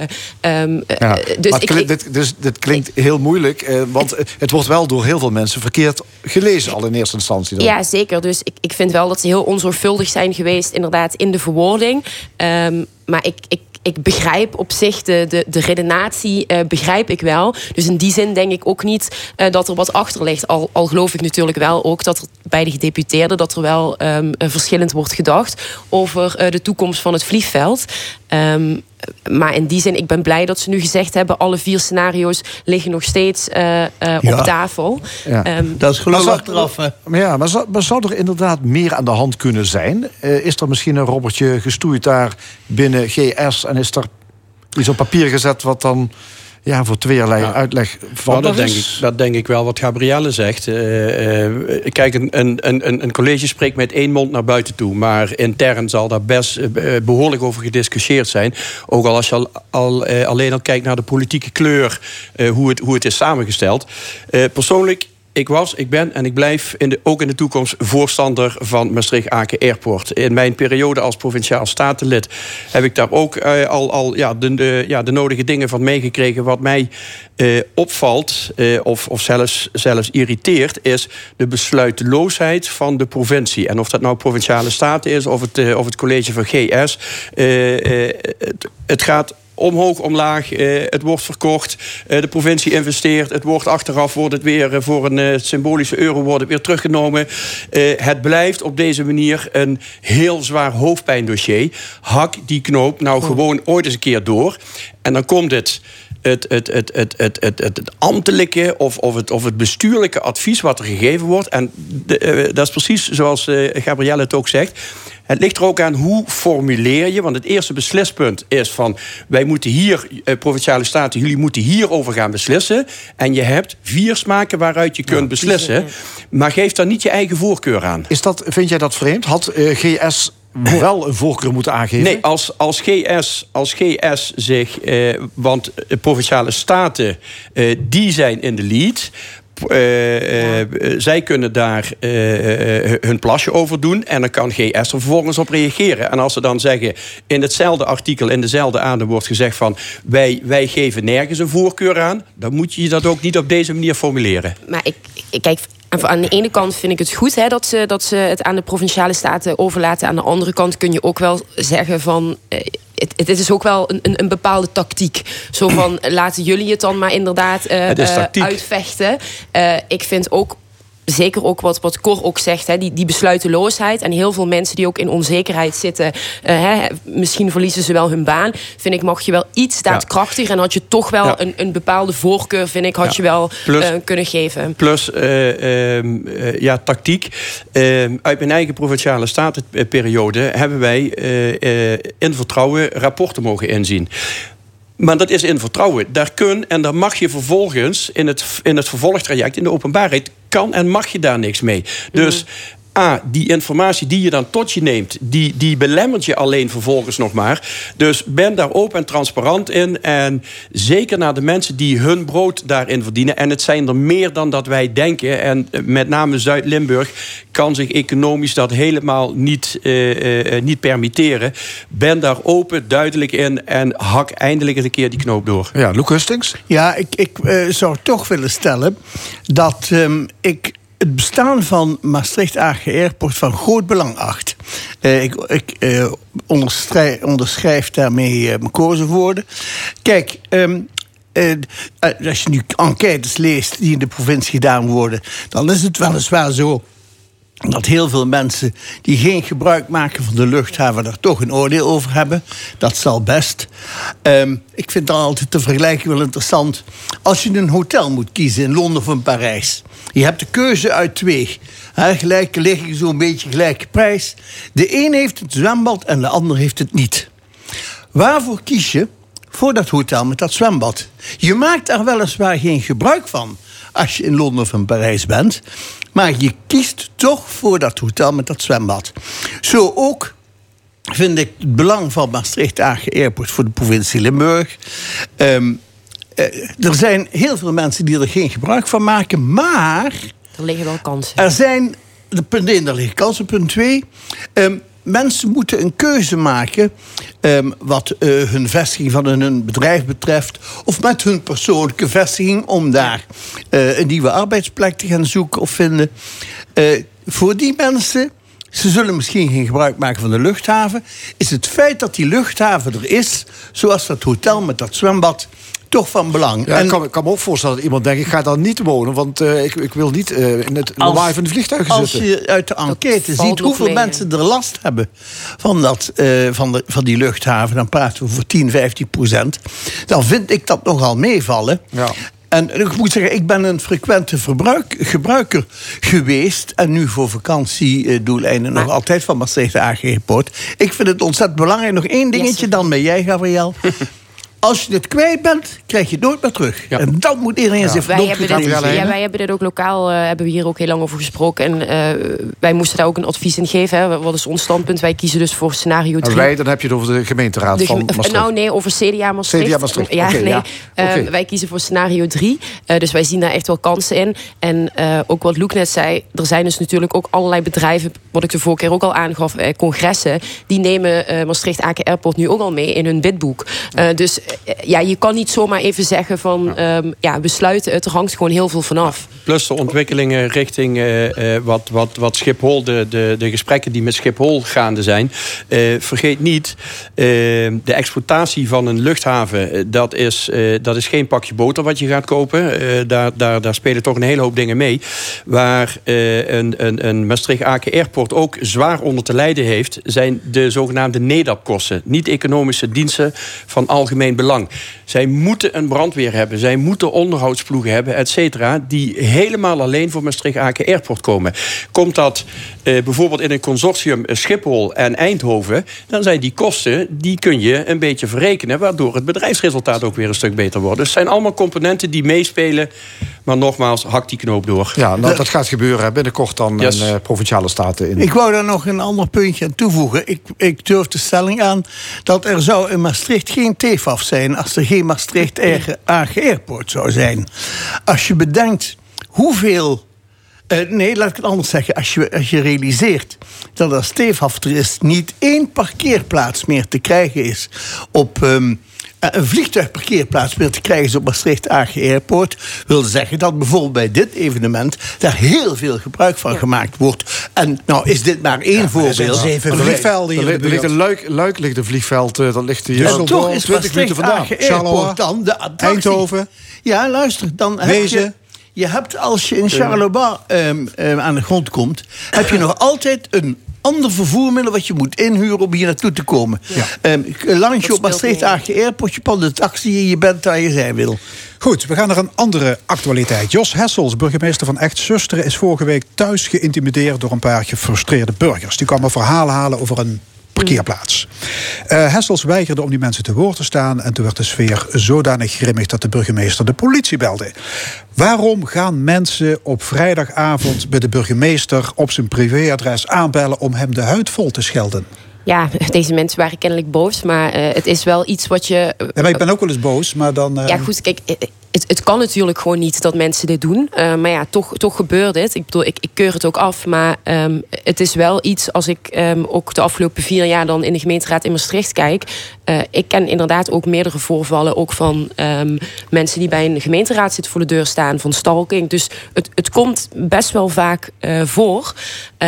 Dus het is echt heel zorgelijk. En ik denk dat het ehm, voor iedere gemeente heel belangrijk is dat als zoiets gebeurt, dat een raadslid of wethouder of burgemeester ergens kan aankloppen en dat er meteen ehm, ja, iets in, in werking wordt gezet. Ook, ook slachtofferhulp moet je soms ook aan denken, want het kan heel ehm, ja, traumatisch zijn ook voor mensen. De burgemeester plaatst dit in het kader van de verhuftering van de samenleving. Cor Bosman. Ja, kan ik wel iets bij voorstellen. Ik, uh, ik sluit me helemaal aan bij Gabrielle. Het is, het is, het is gewoon absoluut not done. Ik keur het absoluut af wat er gebeurt. Uh, er is ook geen enkele uh, argument aan te halen waarom je dit zou doen. En ik spreek uit eigen ervaring. Ik heb ooit een keer in een opwelling uh, een artikeltje geschreven... dat werd breed uitgemeten in de krant. En daarna meenden ook heel veel mensen mij uh, te moeten intimideren. Het uh, is zelfs zo ver gegaan dat we politiebewaking binnen in huis hebben gehad... kinderen uit huis gehaald, et cetera. Dus ik kan mij de positie van Jos Hessels heel goed voorstellen. Ik vind ook dat op dit soort zaken... je, kunt het, of je hoeft het niet met elkaar eens te zijn... maar je kunt altijd je, je fatsoen houden. er zijn andere wegen om dat te bewandelen. Gebeurt dat niet, zware sancties. Daarbij komt dat ik denk dat um, het democratisch proces ernstig wordt aangetast door dit soort uh, tussenkomsten. Want nou, zeg, nou gaat Hessels er redelijk luchtig overheen. Maar ik zal je vertellen, als je zoiets gebeurt, dat maakt een enorme indruk in een gezin.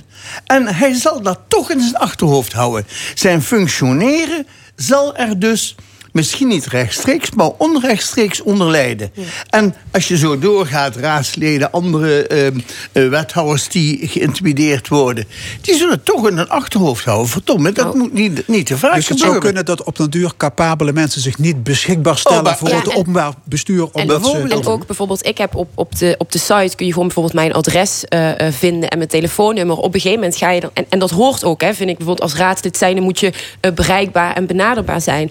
Maar door dit dit soort voorvallen ga je soms wel nadenken van ja, is het wel zo verstandig om mijn adres uh, uh, openbaar uh, op de site te hebben? Is het verstandig om op social media veel van je eigen leven te laten zien? Dus in die zin um, ja, beïnvloedt het op die manier ook, vind ik, het, het, het, het democratisch proces. Althans, um, je, je beschikbaarheid, je bereikbaarheid naar de burger toe. Daar denk je dan wel over na. Dus ja, dat, dat moet, is wel. Moet ja. intimidatie, verbaal geweld, bedreigingen harder worden bestraft. Ja, Cor Bosman zei net van wel.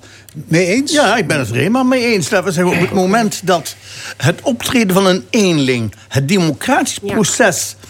verstoort dan is dat voor, voor, voor mij alle reden om daar fel okay. en, en daadkrachtig tegen op te treden. Maar zou dat helpen, strenger straffen?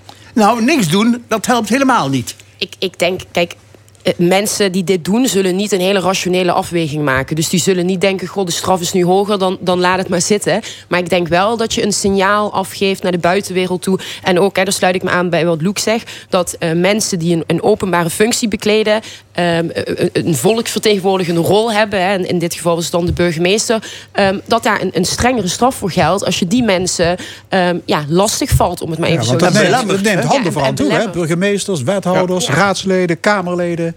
Ja, zoals ik net al aangaf. Ik heb in die afgelopen vier jaar bij de gemeenteraad in Maastricht... ken ik genoeg voorvallen van mensen die uh, ja, bij iemand voor de deur stonden. Dus het, het gebeurt echt vaak. Maar ja, het dit... kan wel vaak gebeuren, maar ik vind het toch schrikbarend hoor. Ik, het, het, ik vind het buitengewoon verontrustend. Want... Um, het klinkt misschien heel zwaar, maar het is ook zwaar dat je een democratisch proces verstoort. Als mensen hun werk niet meer oprecht en naar eigen inzicht kunnen of durven doen omwille van dit soort ingrepen, nou, dan, dan denk ik dat um, het democratisch principe steeds verder naar de achtergrond ja. Gaat, dit is een opwelling gebeurd.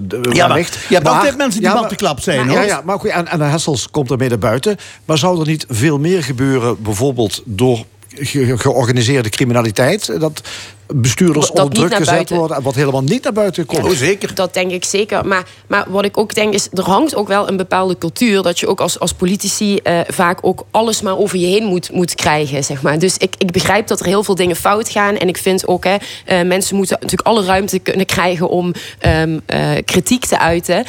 maar er is ook een soort van cultuur van... ja, je kan gewoon alles, alles tegen ja, iedere politici of burgemeester maar zeggen. Het getuigt ook van een gebrek aan kennis... als mensen verhelpen verhaal komen halen bij de burgemeester over een parkeerplaats. Die Ja, man gaat daar helemaal niet over. Nee. De burgemeester dat is- maakt geen beleid. Maar dat is precies dus wat, eh, wat Gabrielle ook zegt. Dit, dit zijn mensen die, die reageren op basis van emotie. Niet, uit, eh, niet op basis van ratio. Maar dat is juist wel het gevaarlijke ervan.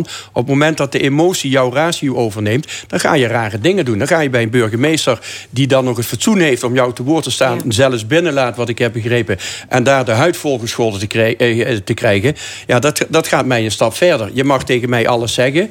Maar er zijn, zijn wel grenzen. grenzen. Ja. En dat geldt voor een burgemeester, dat geldt voor iedereen. Maar er zijn ook keurige mensen die reserveren een tafel in een restaurant en komen niet opdagen. Zoals gisteren ja, was de ja, ja, Limburg. ja, dat is nou, ook bijvoorbeeld. Nou, goed, die verhuftering, moet- of niet? Ja, dat is ook verhuftering. En die moeten dan 25 euro eh, wordt hun in eh, mindering gebracht. Dus daar zit ook een sanctie op. Nou ja, dat hard aanpakken, dit soort gasten. niks mee doen. Maar ja, wordt hard aangepakt. Maar tegen, tegen die doemheid kämpfen die Götter vergeblich, hè? Ja, ja, ja. Hey, stegeltje. Ja. Zo, die hangen we op. Ja. Ehm, iets anders. Een groot deel van de zorgmedewerkers met long COVID is ontslag aangezegd door een werkgever. En dat gaat hier om medewerkers die langdurige klachten hebben overgehouden aan een coronabesmetting. En dat was vooral in de eerste golf, toen er nog weinig bekend was. Eh, vakbond FNV spreekt van een trap na die Ja. deze mensen hebben gekregen. Wat vinden jullie? Ik vind het ook een trap na. Het is, het is gewoon schandalig. En ehm, wat mij heel erg stoort, is dat eh, we weten nu al heel lang dat long COVID toch een, een, ja, een hele ernstige eh, aandoening eigenlijk is. Mensen zijn heel lang uit de running. Hoe kan het dat we eigenlijk altijd achter de feiten aanlopen? Ook als ik nu bijvoorbeeld kijk naar eh, de lange termijn eh, eh, visie, hè, die, die is nu ongeveer klaar dan. Ehm, ja, die is er eigenlijk ook gewoon niet. En dit is daar wederom een voorbeeld van. Ehm, we hebben helemaal geen visie. We gaan niet goed om eigenlijk met, met de, de naweeën van de coronacrisis. En mensen die ehm, eigenlijk in die eerste eh, eh, golf ehm, enorm goed werk hebben gedaan. eh, ja, die, die, sommige mensen zijn gewoon al ontslagen.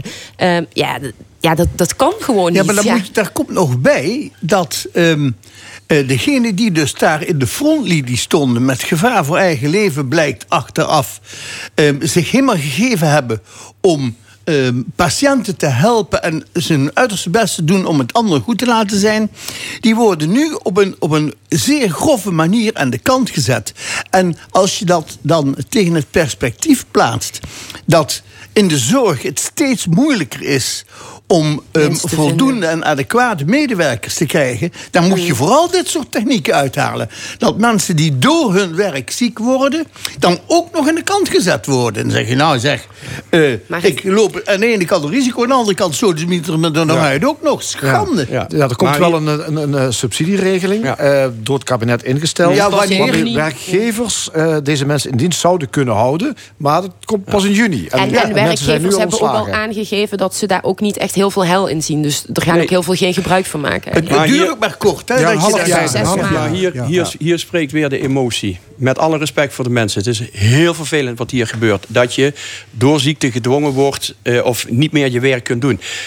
Maar mensen, eh, dit zijn honderdduizenden mensen in Nederland die hiermee te maken krijgen. Dit zijn gewoon Stratenmakers hebben hetzelfde. Dit zijn gewoon de wettelijke regelingen die gelden voor Jan en alle man. Ben jij twee jaar, 104 maanden, ben jij ziek... dan kom jij in een ander traject van de VIA of de IVA of noem maar op allemaal. Dus dit is niks nieuws. Dat hier een bepaalde eh, emotionele eh, lading omheen zit... dat kan ik heel goed begrijpen. Maar ik vind niet dat we voor deze mensen een uitzondering moeten maken... die er al gemaakt is. Er zijn andere er zijn vangnetten hiervoor. Maar nogmaals, eh, voor de mensen die je treft... dus is het enorm vervelend. Is het misschien ook een psychische klap wat ze te verwerken krijgen. Maar op alle, eh, op alle uitkeringsgerechtigden, 759.000... eh, waarvan in de, in, de, eh, in de WGA 201, in de IVA 141.000 mensen zitten... er zijn 113 mensen ontslagen. Heel vervelend. Eh, eh, individuele ramp als je ontslagen gaat worden... of dreigt ontslagen te gaan worden... Maar, Maar hier je ben ik kunt, het niet je mee kunt en je mag voor niemand in Nederland een uitzondering maken. Gabrielle In die zin snap ik je punt al van die uitzondering maken. Maar ik vind dat je het in het, in het, in het bredere plaatje moet zien van eigenlijk eh, de pandemie waarin we zitten. Eh, en we weten hè, wellicht dat we ook nog een golf in december gaan krijgen. En dan ben ik het ook met Luc eens. Als jij mensen wil hebben eh, eh, die daar in de frontlinie staan, eh, dan moet je ook de garantie kunnen geven Nee, dat we er voor die mensen zijn. en dat betekent ook dat je dus ook op de lange termijn ervoor moet zorgen dat we ehm, ons, ons bestendig maken tegen uh, Begrijp een ik, eventueel maar dat, maar dat, nieuwe dan, golf. Ja, maar dan gaat die discussie die gaat niet hierover. Dit gaat over gewoon een wettelijke regeling die er ligt. Hoe vervelend dat ze ook is. Wil je dit voor de toekomst, wil je dat op een andere manier borgen... dan zul je daar op een andere manier naar moeten kijken. Dan moet je die wet die aanpassen. mensen, Ja, die, exact. mensen die nu, die nu hier, hier aan blootgesteld zijn geworden... ik zou als ik een van die personen was, ik zou een arbeidsrechtdeskundige in de arm nemen en mijn werkgever aanklagen wegens slecht werkgeverschap. Want die heeft mij onbeschermd, Maar- heeft hij mij werkzaamheden laten Maar hoe, verrichten. hoe, hoe, ga je het, hoe zie je het voor je? Zeg maar inderdaad, er is al inderdaad een tekort in de zorg. Ehm, dat mensen dan straks weer eh, Nee, de klopt, kans maar- oplopen om long covid te krijgen. Dan, en, en je weet gewoon Nee. dat je daarna eigenlijk gewoon eruit wordt ge, ge- Maar omdat, gegooid. omdat, ja, dan ga je, nee, dan ga je dat werk toch niet meer doen. dat is toch gewoon schandalig? Omdat hierdoor de focus op het verkeerde uitgangspunt ligt. Dit is gewoon een wettelijke regeling die er ligt. En dat heeft helemaal niks mee te maken. Hoe, hoe ga jij met een pandemie... eh, hoe ga jij nog mensen enthousiasmeren om ondernemer te worden? Als je weet dat je misschien failliet kunt gaan... aan de gevolgen van de coronamaatregelen. Dat is precies dezelfde retorische vraag. Nou, maar dat is een andere kwestie. Hier nee, nee, nee, nee, nee, absoluut niet. Ik vind dat in dit geval deze wet toch zou moeten worden toegespitst. Ja, daar ben ik het mee eens. Je moet inderdaad je aanpassen ook aan kijkende wat er nu allemaal is komen kijken bij die pandemie. Woensdag brengt de koninklijke familie een bezoek aan Maastricht. Want Ja. dan is het Koningsdag. Ja, Maastricht eh, was al chic en schoon, maar is nu nog chiquer Ja. en nog schoener. Gabrielle Heijnen, Ja, je werkt in Maastricht. Eh, ja, het is nu inderdaad allemaal heel schoon. Alle fietsen en alles eh, wordt allemaal geruimd. Daar ben ik persoonlijk heel blij mee. Zelfs de stickers worden van de lantaarnpalen ja, ik ben dus helemaal afgeschraapt. als Heggen helemaal suf aan het poetsen en alles schoon het maken. Ehm, nee, maar het is natuurlijk heel leuk. En ehm, eh, ik heb er in ieder geval heel veel zin in. Ik heb ze overigens ook al ontmoet. want ik was eh, uitgenodigd eh, eh, voor het Koningsdagconcert. Dus ik heb ze even de hand mogen schudden. En ik moet zeggen, ik, ik, ja, ik, ben, niet, ik ben wel redelijk koningsgezind hoor. Maar als het niet in Maastricht zou zijn... zou ik bijvoorbeeld niet naar een andere stad gaan om ze daar te spotten. Zo erg ben ik niet. Maar als je ze dan ontmoet, is het wel toch een, een, ja, een vrij bijzonder moment, moet ik zeggen. hoe groot is jouw monarchistische inborst? Oh jawel, jawel. Ik ben, ik ben best wel een voorstander van de monarchie. Maar ehm, er is ook nog een andere kijk die ik in dit geval ehm, wel interessant vind. Kijk, of het nu Maastricht of Dordrecht, maakt me allemaal geen barst uit. Het feit dat je zo'n koninklijk bezoek krijgt... en men die stad nog eens helemaal oppoetst... is niet alleen voor dat moment heel interessant... maar ook voor het hele jaar dat erop volgt. Daarbij komt dat de effecten van zo'n koninklijk bezoek... als een magneet werken op zo'n stad. Ehm, als je nou bekijkt hoeveel radio en televisie ook uit het buitenland naar Maastricht komt om verslag te leggen van onze bijzondere gewoonte om het Koningshuis ehm, zo dicht bij de natie te brengen en samen een feestje te vieren, dan, dan eh, heeft dat een uitstraling die die magneetwerking alleen maar bevordert. En komen die mensen dan als door de magneet aangetrokken naar Maastricht... en ze treffen daar een prachtige, schoongepoetste stad aan... dan denk ik dat het alleen maar een voordeel is. Oké, Cor, ga jij eh, woensdag eh, luisteren naar L1 Radio? Kijken nee. naar L1 TV? Nee, ik heb eh, toevallig eh, belangrijkere dingen te doen. Ik ben niet Nog- per. Nee, nog ik, belangrijker ja, nog belangrijker. Ik ben niet per definitie tegen het Koningshuis. Maar ik vind wel dat het Koningshuis aan een grondelijke herziening toe is. Want ik vind het een gigantisch achterlijk systeem anno 2022. Ja, ik geloof, we hebben we geen tijd meer voor nu. Daar, kom, daar, kom, daar komen we woensdag op terug. Gabrielle Heijnen, Loek Hustings, Cor Bosman, dankjewel. En dit was de stemming vandaag gemaakt door Edwin Maas, Fons Geraerts en Frank Ruber. Graag tot volgende week zondag, 11 uur. Dit programma is terug te beluisteren via onze website l1.nl en ook via podcast. Zometeen op deze zender L1 Sport Co. Ik wens u nog een mooie zondag.